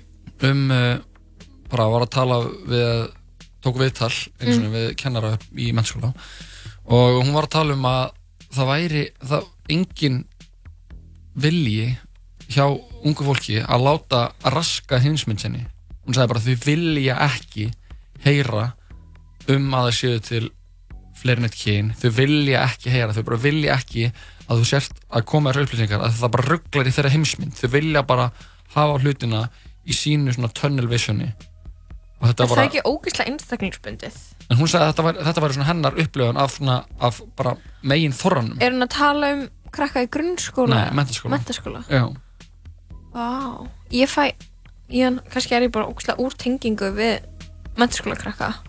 ég held að það geta alveg verið sko Já. að þú veist, þú ert með eitthvað svona ákveðna hugmynd um, og hittir svona ákveðna ákveðin hóp mennskjalinga Já, en ég held að það sé síðan bara í einhverjum öðrum skólum staðar sem við höfum ekki einhverjum svona okkar hugmyndir er ekki Mér að finnst þetta að vera árin það sem að heimsmyndinum hans er raskað, sko. Eða kannski gera það rétt, gerast það bara eftir útskrift, ég veit það ekki. Já, ég held að sé, ég held að hugmynd, Hvernig upplifið þú þetta? Þú veist, þú... það sé bæði, þeim sé bæði, það er bæði til eitthvað svona get, get, þeim getur verið raskað, þeim getur líka verið bara ennþá bara meira staðfestar Mhm. og svona alveg bara svona grafnar í stein næstu því, sko Það er náttúrulega styrlaðar sko í svona kynja pælingar sko þegar ég var í mentaskóla og Mhm. það bara var breytast á meðan ég var í Einmitt. Og kom eitthvað svona bylgja þú veist bara það verður að vera stelpa sem er fórsetið nefndafélagsins Já, já, bara af hverju eru strákar í öllu í öllu félagslífinu í öllu, Aha. skilur og bara eitthvað af, og það var bara geðveitt mikið slött sem í gangi og eitthvað svona og það, það bara svona breytist það og maður bara svona gleymir í stundum og maður var til í þessum heimi sko. Ég, meni, ég tók bara þátt í þessu, sko. Ég Já. var hrikalegur í fyrstu tvö ára minn í að allir hafi eiginlega tekið þátt í þessu sko en einmitt, ég er bara að hugsa sko þannig að er þetta ennþá þannig og þegar ég, ég skildi við mentaskóla þá var bara allt annað væp heldur að en sé þegar ég byrjaði á þessum að sé- fjórum árum ég held að sé sko. ákveðinni svona þættir sem er búið að, að svona temmilega sikta út Mhm. eins og bara þetta með slutshaming og svona dót Mhm. ég held að það sé allan að komin á þann stað að fólk er mjög meðvitað um það sem eitthvað konsept Mhm. en ég held samt líka að að ég veit það ekki, kannski er það ég, ég hef ekkert, ekkert beint fyrir mér í þessu. Ég held bara að það sé bæði fólkan úti sem er einhvern veginn að meira svona opnast og ég held að sé Mm. líka sömulegir fólkan úti sem er að lokast enn frekar og vilja ekki láta raska sinni heimsmynd. Þau eru kannski koma að okkur heimilega sem er er það pælingin að þetta gerist á sama tíma? Þegar ég held að samfélagi opnist þá bara opnist fleiri. Ég held að þetta hafi ekki þetta boomerang effekt fyrir en skiluru áratug setna þegar ný kynslu Svo þegar kynsluður er alltaf að reakta á hver aðra skilur um bara, di- bara þarna, 80s fólki að reakta á hippana skilur og Mhm. 90s á disco-liðið eða 80s liðið eða eitthvað skilur Já, já. alltaf eitthvað svona kynsluða breytingar og skilur við að reakta á bara gils kynsluðuna Já, algjörlega, við reaktum feitt á hana. Mhm. þannig að þú veist ég veit ekki hvort það gerist skilur með sömu kynnslum það verður alltaf eitthvað svona tíðarandi eitthvað, hvað, hvað er í tísku að finnast. Þú veist það er ekki tísku að vera geðveikslega mikið á skjön. Og það er svo rosalega erfitt fyrir úling að vera geðveikslega mikið á skjön. Já. það þurfa svolítið að taka þátt í. Að þú er bara svona sett spurningamerki við að þetta, að þetta gerist á sama tíma út þetta er svona þetta er svona eins og pælingarna með Trump eitthvað svona að að þú veist, hann verð kjörinn út af því að þú veist, það var svo mikill liberalismi og Barack Obama og það gerði einhvern veginn allt verra fyrir eitthvað heimsku bóndana í miðríkjunum, skilur við og ég held að þú veist þeir, þeir hafi bara verið óslega lengi í status quo æ, skilur við Ég held samt alveg að það Já, þeir eru það alveg en ég held samt alveg að þegar ef ef verið að raska heimsmynd fólk svona mikið þá er, getur þetta verið viðbræðið Mhm. þess vegna er Trump fórseti Mhm. veist, og þess vegna er miðflokkurinn að að mælast gæðast ofalega af því að það er bara verið að gera grín af öllum sem þannig peppan bara í vikunni og gíslamartinni það er bara verið að gera grín af bara já það eru allir sem kjósa miðflokkurinn er hálfvitar þú veist Mhm. og þá er það væntalega viðbræð þeirra sem anna, kjósa meðflokkin og eru á þeir, veist, þeirra skoðunar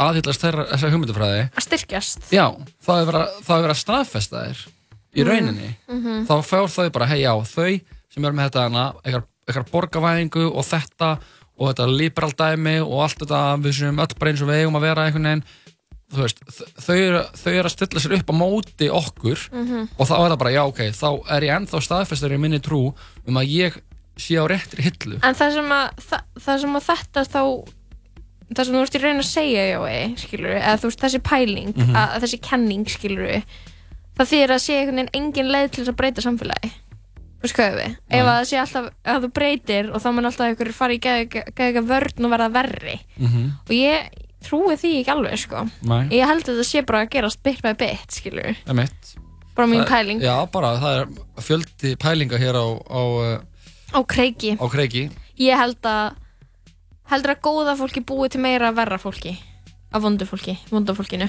Uh, mm, Góða fólki býða ekki til en ég held að einhvern veginn að ég veit það ekki alveg. Þetta er, þetta er flókið. Þetta er alltaf flókið. gífur, ég kom með verk í heilan að spá í þessu. Ég þess vegna líka. erum við að fara að spá í jamminu næst. Já, við ætlum að spáða djaminu, við ætlum að fá, fá tónlist hérna, hlusta á uh, Sway Lee, kannski Pretty Boy Swag, það voru komað nýtt vídeo frá þeim Byrni og Lil Binna við lagið Pretty Boy Swag, PBS þar sem þeir eru að uh, gera sér góðan dag í smárlendinni eftir lókun. það er gekkjaði vídeo. Eigum við samt ekki líka sen að gefa taco Jú, síðan ætla að gefa taco, þannig að og þar á eftir fáum við til okkar Gunnar Skúla, DJ Stef í jamplaylistan. þannig að þegar við erum búin að hlusta á þetta lag þá ætlum við að koma með spurningu fyrir fólk sem vil vinna ef það getur svaraði rétt, þá fara taco frá tacosun Já, þetta er nýja að tala saman dæmi, gefa taco. Gefa eitt taco.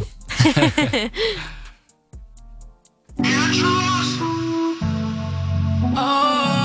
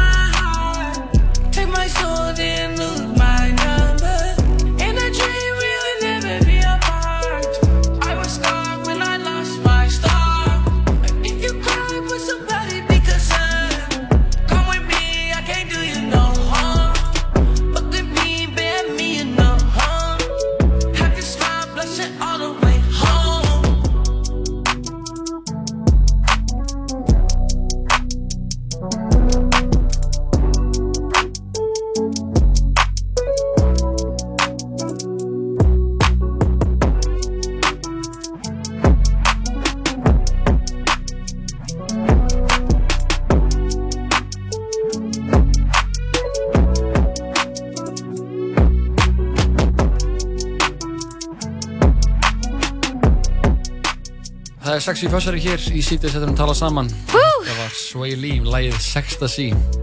Æðislegt.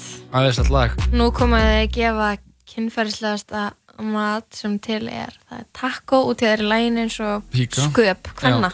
Og onni það fer alltaf eitthvað matur sem er alltaf í lægin eins og tippi.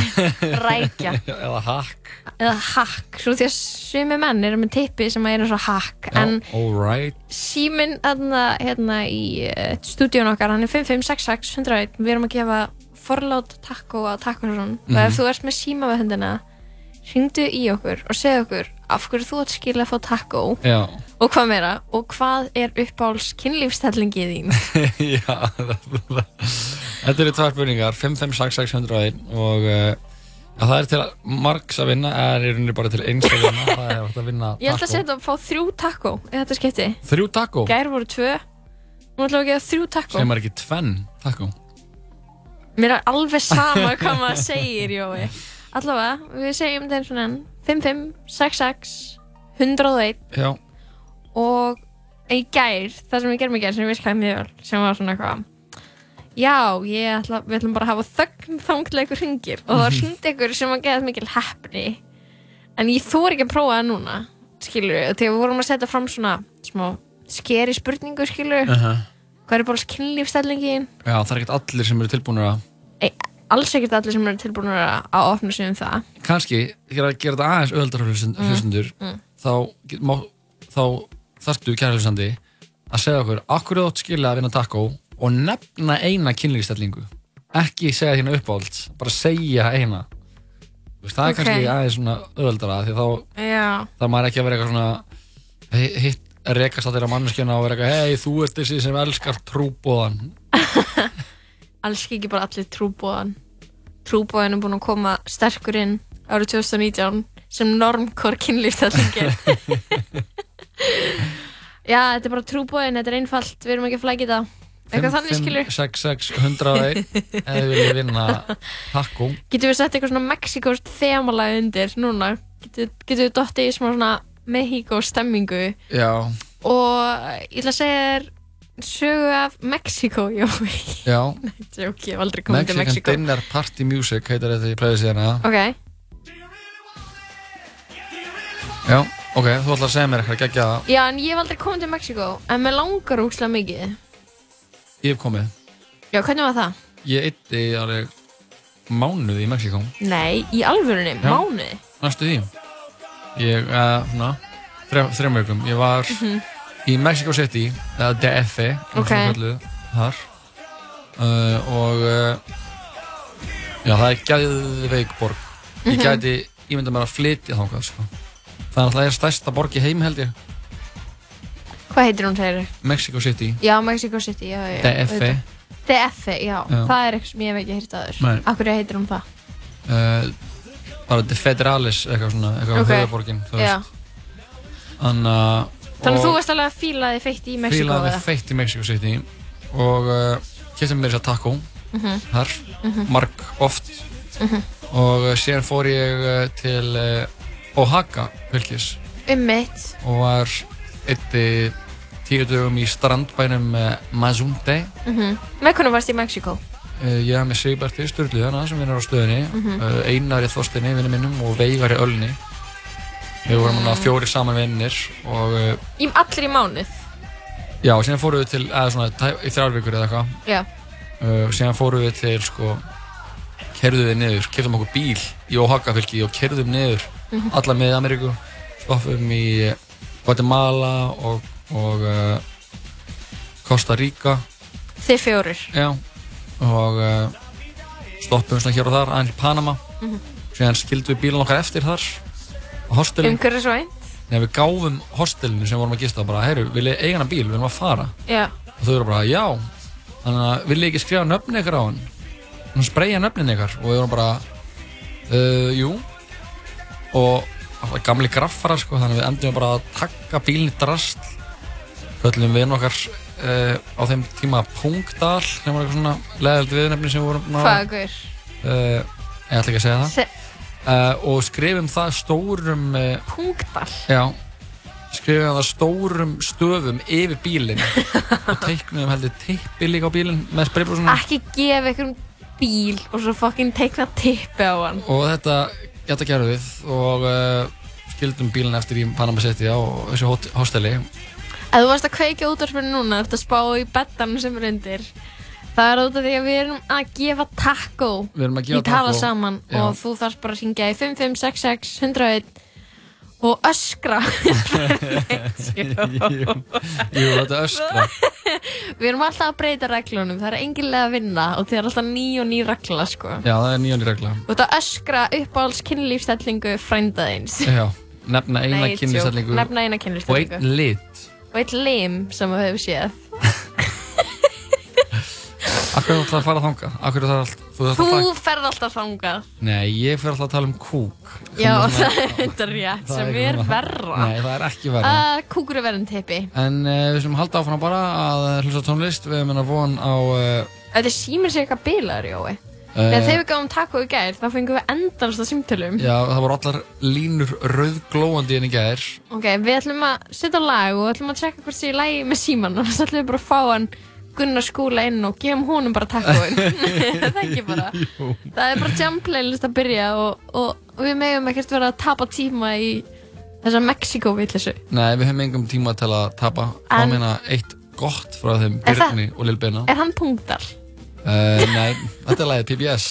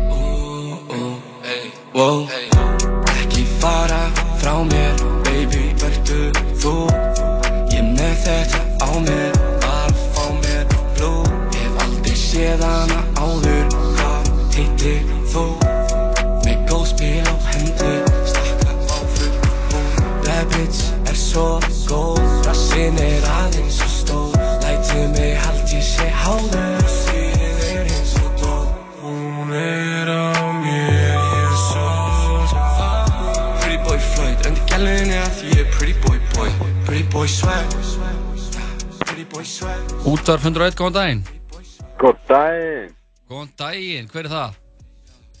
Gunni Gunni?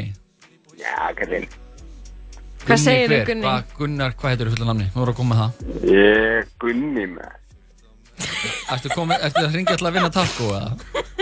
Nei, ég er nú bara að hóka þetta Bjarni hérna Er þetta Bjarni?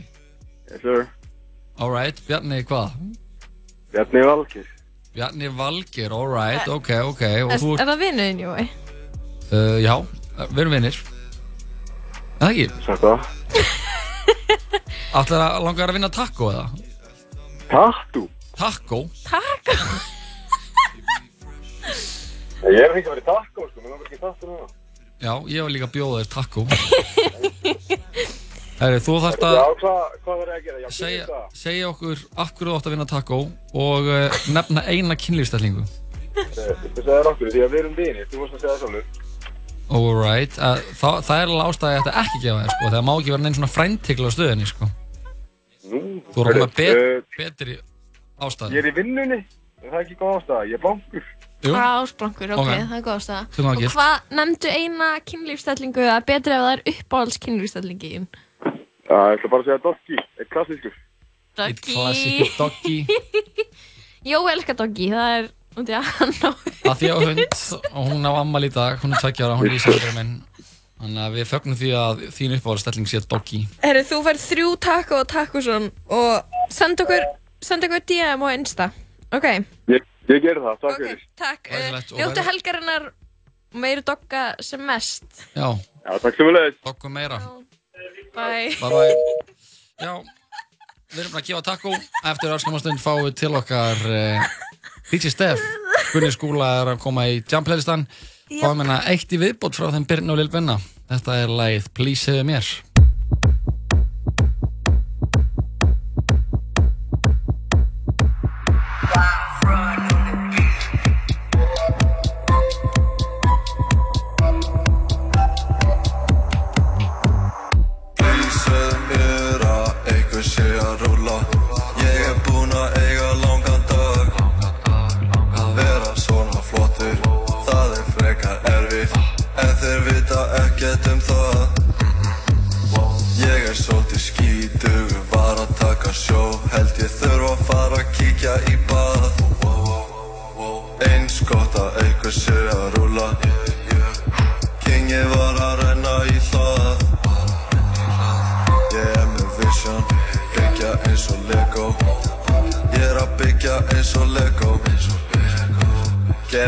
Tippi Gott tippi Svo hún kemur oft í minn Sjaka bra, hún bað mig að koma með pakkana. Við erum busy, getum ekki slappa af. Ég er fuck með sín, hún getur fakta það. Peningar, settu þá ofan í pókana Jalapeno á sem lókuna Rífur í hann eins og kólrópar Ég þurft að hitta á plug, man Skirt, what's up, man What's up, man? Ræðljóð, villjóð, ræðljóð Tími til að vinna Ekki vera latur Ræðljóð, villjóð, ræðljóð Allur hópurinn svangur Ekki lít út eins og matur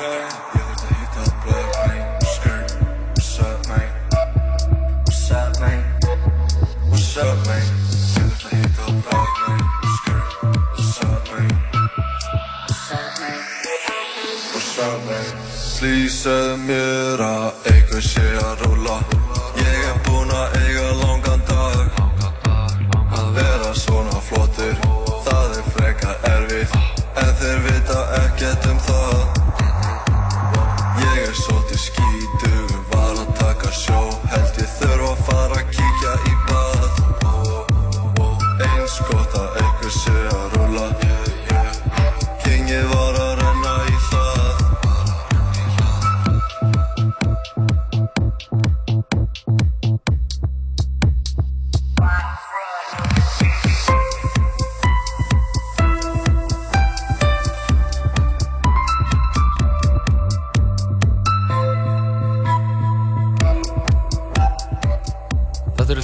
Birnir og Lil Birni. Lægið Please segðu mér hér í síta Þetta erum talað saman. Við höldum áfram með þetta dagskrá. Til okkar er komin næsti gestur Og uh, það er í liðin Jam playlistan. DJ Stef Gunni Skúla er mættur. Yes, yes. Loksins. Já, loksins maður. Þetta tók nokkrar tilraunir. Nokkrar allugur En hér er ég. Hér ertu komin Hvað- að DJ fokkin lengi? Fokkin lengi. Ég DJ sko grunnskóla ásatti hjá þér. Já. Það er svo langt síðan Það er svo langt síðan sko Hvenær byrjar að DJ? Byrjaði að DJ það var svona 18 ára í MH Mhm. og byrjaði að DJ bara fljótlega í bæ eftir það sko. Það eru komin 14 ár sem ég byrjaði að DJ að Downtown Reykjavík sko. wow. Fyrst er ennþá ég gaman að Ekki alltaf, en þetta er stundum koma svona kvöldar sem er bara svona vakna daginn eftir og bara svona já, þetta er ástæðan fyrir að, að þessu sko. Ummitt, ummitt Hvernig finnst þið svona að hafa þróast þessi 14 ár Nú mætu lífið Um, það er nefnilega búið að breytast alveg helling sko. það er hérna það er ekkert svo langt síðan bara Downtown Reykjavík var bara að vera að byggja um bara Wake Me Up Before You Go Go og Sodoma og bara sveitaballa feelingur líka við sko. Já, er það? Ok. þannig að þetta er alveg hérna sem maður finnur ekki beint fyrir þessu þegar maður svona er í ringuðinni en ef maður svona stígur aðeins tilbaka og hugsa það þá bara veist, fyrir 6-7 árum vorum við bara í þessu sko Mhm. Og við fyrir svona aðeins nær okkur að þú veist það er náttúrulega búið að vera þessi svona íslenska hip-hop sena er búin að vera mjög sterk þannig að við erum komið svona meira yfir í meira hlutaslega að spila Íslands núna Mhm. fyrir kannski 6-7-8 árum þá var mjög sterk bara þetta veist, bara Pitbull, David Guetta, EDM bara Einmitt. dæmi sko Já. þannig að að mörguleiti skemmtilegur að spila í dag en fyrir nokkrum árum að því að bara veist, maður þekkir mikið þessu fólk í senunni og bara svona veist, fólk tengir oft meira og betur við þetta svona íslenska dæmi Einmitt. þannig að ég er ekki frá því að sé maður finna alveg svona mun eftir tímabilum sko. mm Hvar myndi fólk sjá DJ Stef? Herðu, um helgina er ég á B5 á morgun Ok Þú En mikið þar, ekki? Ég er svolítið mikið þar Já. Það er svona heimavöllurinn Já. oftast Já. Ertu líka einhver svona einhvað samkvæmi? Ertu í þannig gegum líka? Já, alltaf eitthvað, það er svona, kemur svona eftir tímabilum sko. Ég Mhm. var til dæmis síðust helgi á Mývatnarsflý brúðkaupi Ok. Veist, Þannig að það er stundum einhver fyrirtæki og bara svona það sem kemur inn á borð til mér sko. Já, hvernig er að taka svona brúðkaup? Það er oftast bara mjög skemmtilegt af því að hérna það er oft svona smá fyrringur í maganum að því að maður svona veit ekki alveg hvað maður er að fara út í Mhm. og veist kannski ekki alveg fyrirfram hvaða kráti er eða hvernig þetta er Nei. en það er samt svona gegnum gangandi fólk sem er komið í brúðkaup er mætt til að hafa gaman Mhm, mhm. og það oft bara skýn í gegn og er oft bara velhefna brúðkaup er að fátt sem toppar það sko Einmitt. Já, þetta eru bestu partíin, sko. Brúðkaup? Já, ef það eru góð, þá er erfitt að hafa þau betri, sko. Já, og fólk er með einsettan vilja að hafa gaman í brúðkaup Já, og svo líka oft kannski bara með vinahópa sem að hérna, þú veist, þegar fólk er orðið aðeins eldra er oft erfiðar að ná stórum hópum saman, sko. Þannig oft ertu með svona fólk að koma saman aftur og eitthvað. Já, svona sem á reunion. Já, sem eins og brúðköpi sem var núna um helgina var sett bæði hann og hún tengjast inn í fótbolta, sko. Mhm. og það ertu með fólk sem er bara í djambanni í sko nýju mánuð á ári. Já, já, þau, já. þau nýta sínar fríhelgar sko. Þannig að það var sko, það var alla bremsu skildar eftir í Reykjavík sko. Um að gera sko. En þú ert komin til okkar í Jam-playlistan Já. Og uh, fyrir hlustendur okkar sem eru ekki með á nótunum hvað Jam-playlistin er þá fáum við til okkar en að gesti og þetta er aðalega búið að vera plötusnúðar Mhm. komum með svona þrjú essential lög fyrir Jammið og það er mismöndi hvernig fólk byggja þetta upp. Sumir byggja þetta upp í svona krónológiskri röð eftir kvöldinu aðrir í einhverju svona, svona meiri anna, curation Tímans eftir tímans rás. Já, já, já. og uh, Gunni, þú, þú mátt alltaf segja eitthvað frá hvernig þú allar að takla þetta. Já, ég er með svona þrjá mismunandi punkta og ég var svona fór aðeins að hugsa þetta í gær og uh, tónlist er svo hérna, nátengt tilfinningum hjá okkur mm. það er bara, þú veist, þú heyrir eitthvað lag og þú getur bara skipt skapi bara með að heyra eitthvað lag því að þú veist, það bara minnir það á bara einhverja mannesku eða eitthvað tímabil eða eitthvað sem gerðir, einhver, einhverja staði á stund Einmitt. og það bara, tónlist getur haft hefið mikil hérna, áhrif á þig og ég hérna við erum nú með jam playlista, fór ég að hugsa svona um mína rætur sko. Ég fór að hugsa hérna bara mentaskóla áriðin þegar maður var ungur og aðeins meira vittlaus sem maður er í dag, þá maður sé kannski ennþá smá vittlaus.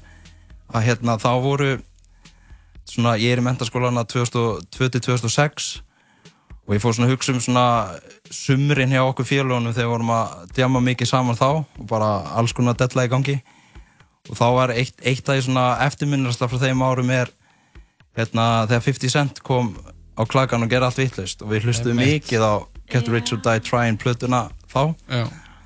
þannig að mér varst tilvalið að svona fyrsta lagi væri In the Club með 50 Cent. Það er klúpa anthem. Já. Það er ekki annað sagt. In the club, tjekkum á þessum Go, go, go, go, go. It's your birthday. We gon' party like it's your birthday. We gon' sip Bacardi like it's your birthday. And you know we don't give a fuck, it's not your birthday. You'll find me in the club, bottle full of bub. Look, mommy, I got the head sick, into taking drugs. I'm into having sex, I ain't into making love. So come give me a hug, you're into getting rough. You can find me in the club, bottle full of bub. Look, mommy, I got the head sick, into taking drugs. I'm into having sex, I ain't into making love. So come give me a hug, you're into getting rough. When I pull up out front, you see the Benz on dub. Uh-huh. When I roll 20 deep, it's 29s in the club. Niggas heard I fuck with Dre, now they wanna show me love. When you sell like Eminem and the others, they wanna fuck. But homie, ain't nothing changed, hold down, G's up. I see exhibit in the cut, they nigga roll that weed up. Roll that watch how I move from state before I play up here. Been hit with a few shells, but I don't walk with a limp. In the hood, in the lady saying 50, you hot. They uh-huh. like me, I want them to love me like they love pop. But holla in New York, the niggas will tell you I'm local. And the plan is to put the rap game in the choke. Uh-huh. I'm fully focused, man. My money on my mind, got a meal out the deal, and I'm still in the grind. Now, Shorty says she feeling my style, she feeling my flow. A girl from Wooded, they buy, and they ready to go. I'm the club, bottle full of bub. Look, mommy, I got the head sick, in to take the drugs. I'm into having sex, I ain't into making love. So come give me a hug, if you're into getting rough. You can find me in the club, bottle full of bub. Look, mommy, I got the head sick, in to taking drugs. I'm into having sex, I ain't into making love. So come give me a hug, if you're into getting rough. My flow, my show brought me to go. That all my fancy things. My crib, my cars, my clothes, my jewels. Look, nigga, I done came up and I ain't changed. And you should love it way more than you hate it, nigga. You mad? I thought that you be happy I made it. I'm that cat by the bar, toasting to the good life. You that faggot ass nigga tryna pull me back, right? My junk get the bumping in the club, it's on. I'm with my eyes, your bitch, if she smash, she gone. Hit the roof on fire, let the motherfucker burn. Just talking about money, homie, I ain't concerned. I'ma tell you what banks for me, cause go ahead, switch the style up. If niggas hate to let I make and watch the money pile up. Or we can go upside the head with a bottle of bug. They know where we fucking be. You can find me in the club, bottle full of bug. But mommy, I got the X, so we into taking drugs. I'm into having sex, I ain't into making love. So come give me a hug if you're into getting rough. You can find me in the club, bottle full of bug. With mommy, I got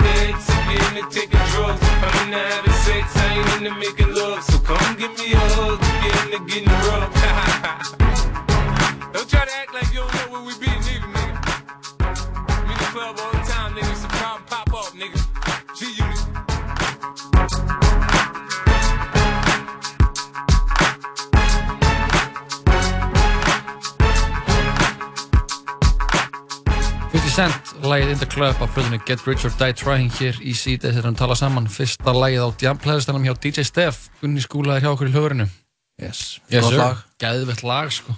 Ef það er einhver núna sem var að hlusta á þetta lag og er eitthvað, að ég ætla að vera heim í kvöld þá þarftu bara að fara til læknis heldur. ég. Held að sé bara þannig sko. Eða bara hlusta á næstu tvö lög. Eða hlusta bara, já, nákvæmlega, nákvæmlega. Það rífið ekki Já, hva, hvert fyrir við næst? Sko, næst fór ég að hugsa þegar maður er að DJ-a, við erum hérna þessi DJ-a svolítið gera er svona við erum bara inn á einhver stað, einhver partí, eitthvað með svolítið svona skinja vibe þú veist, Mhm. bara að lesa stemningu Já. þú veist, þegar ofta beðin um eitthvað svona getur þú gert playlista fyrir þetta, þetta, Þú ég hef aldrei mér finnst ég ekki vera góður að gera playlista mér finnst þú alltaf svona, þú ert að vera present já. og þú ert bara, þú ert að, þú bara. já, já. þú ert að búa til einhver stemningu byggja upp eitthvað svona momentum þannig að maður er oft svona þú veist, þú, við erum ekki að spila bara intro lægi, all lægið, feitar út 5 sekundir í þögn, næsta lag, þetta er eftir svona þú ert að byggja eitthvað upp Mhm, mhm. það er eitthvað svona, bara viðla bara bam, negli næsta lag inn í mixu og svona þetta byggja eitthvað upp Einmitt. Já. og það er fátt skemmtilega en þegar maður er svona hittir okkur svona lag sem er svona aðeins út fyrir kassa það svona, getur verið næstu í hallarslegt en Mhm. svona hitt með rétt lag Mhm. á réttu tímabúndi þá bara svona búm, springur allt Já.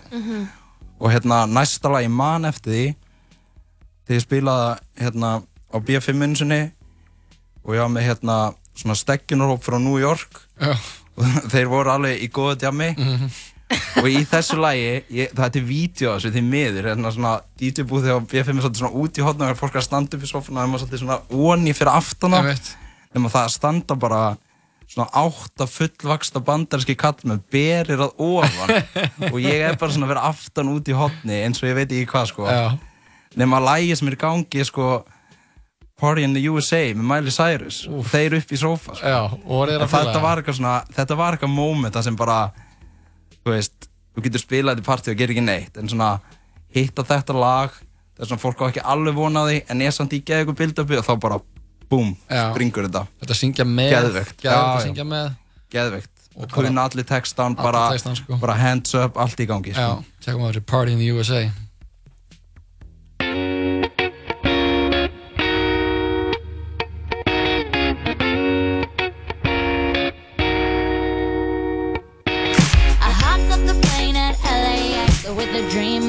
my cardigan.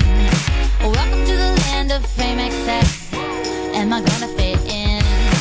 Jumped in the cab, here I am for the first time. Look to my right and I see the Hollywood sign. This is all so crazy.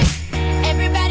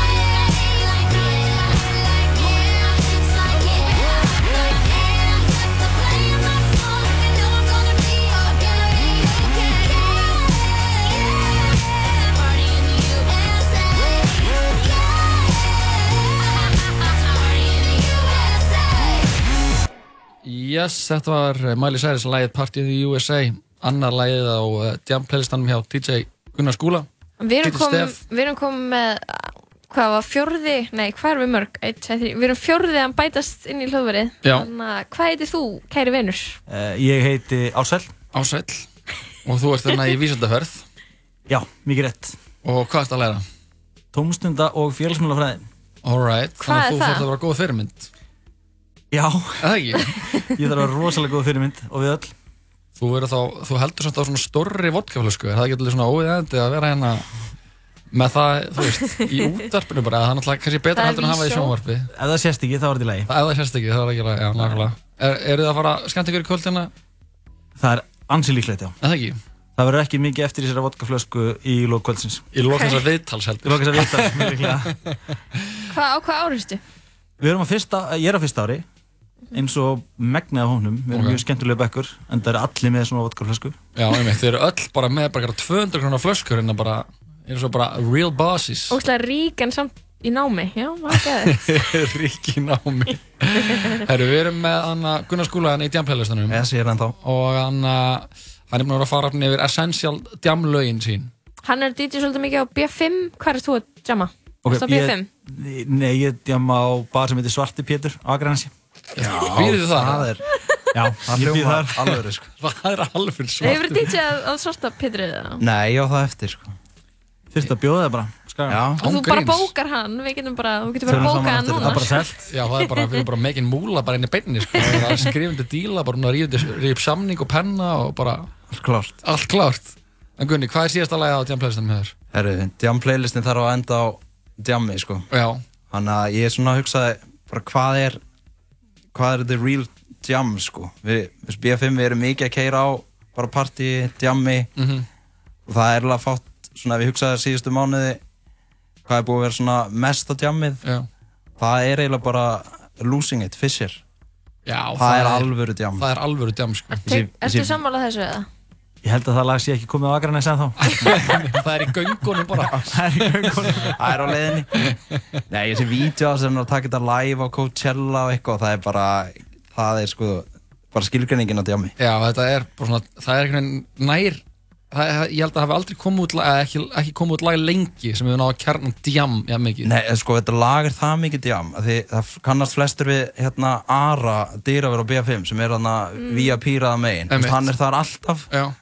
Hann fór úr spottinu sínu og kom til mín að spyrja hvað lagi hétt þegar ég spilaði. Veist, þetta er bara eina sem hefur náð Ara úr spottinu sínu bara í, bara fleiri ár, held ég. Það er bara eins og að ná svona breskum hermanum með stóran hatt úr, Úr karakter. Úr karakter, Já, sko. það er- það er basically þannig, sko. Það er með enda þáttinn að þessu, Já, mest, svona, mest á jamlægi ásins 2019 Já, og ef lengra verður leitað Mhm. Við þakkum fyrir okkur, við fengum hérna Brynju Hjálms og Fríði Ísberg, tala um löðabækunni sínar Mhm. og frumuna og leði eitthvað veður Svo, Svo- uh, Viðtal, við tókum viðtal og, og Íri- svo erum við bara. Já, svo erum við bara búin að vera eitthvað bylla Djamma. þakkum þér Gunni Skúla kjallaði fyrir komuna bara, takk fyrir að fá mig. Allir á BFM helgina Yes, sir. Ásæll, við sjáum þig á Svarta Pétri á Akranesi Klálega, takk fyrir mig Og bara gakt og hægt um gleðina dyr Endum þetta á Fisher, þetta er Losing It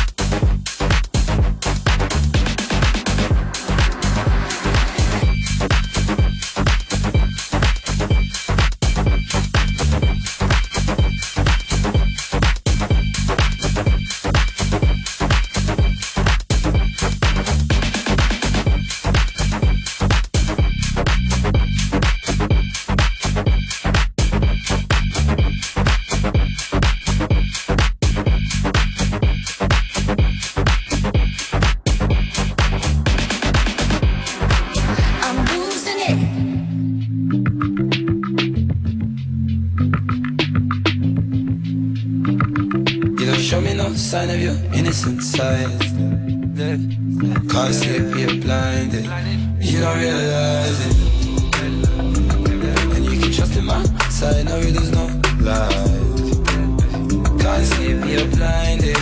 You don't realize it. Take my heart, bitch, I wish you good luck. yeah. When you're gone, think I missed you. No time on my watch. I'm pushing right up. Pushing right up. Hey, don't watch you, I watch the money stack up.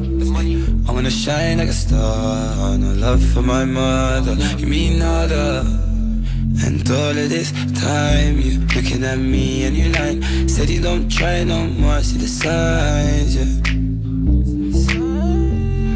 And all of this time you looking at me and you lying. Said you don't try no more, see the signs, yeah. The signs, yeah.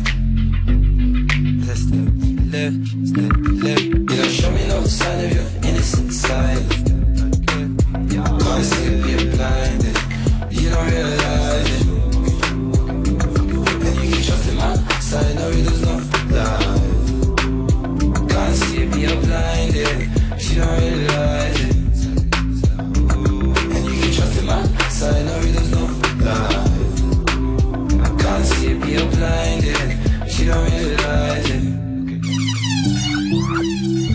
take, I'll take, I'll take that blame. For damage, damage, damage I've laid. I came in like a hurricane. I came in like a hurricane. And destroyed everything. And all of this time you looking at me and you lying. Said you don't try no more, see the signs, yeah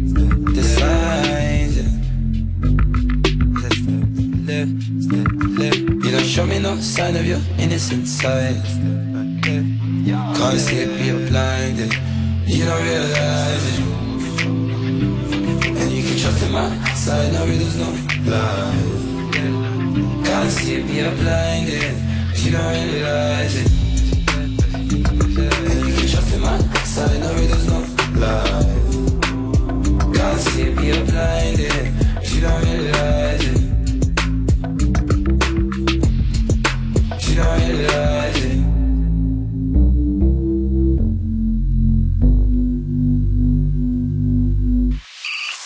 Þú finnur fréttir, þætti og tónlist á heimasíðun okkar 101.life Murder! Yo, this is actually, I swear, like, this is really my favorite song. P&B. Yeah, yeah, yeah. Shorty got swag, see rockin' Phineas on a boost, on a boost. Steam on the ride, just like my coupe.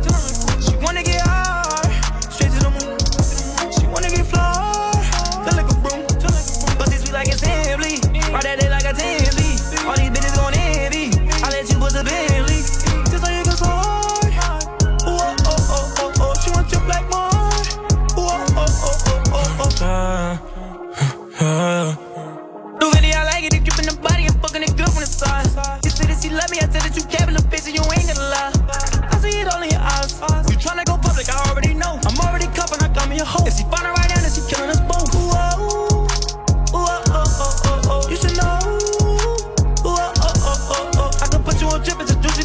Mix you with bougie, classy and ratchet.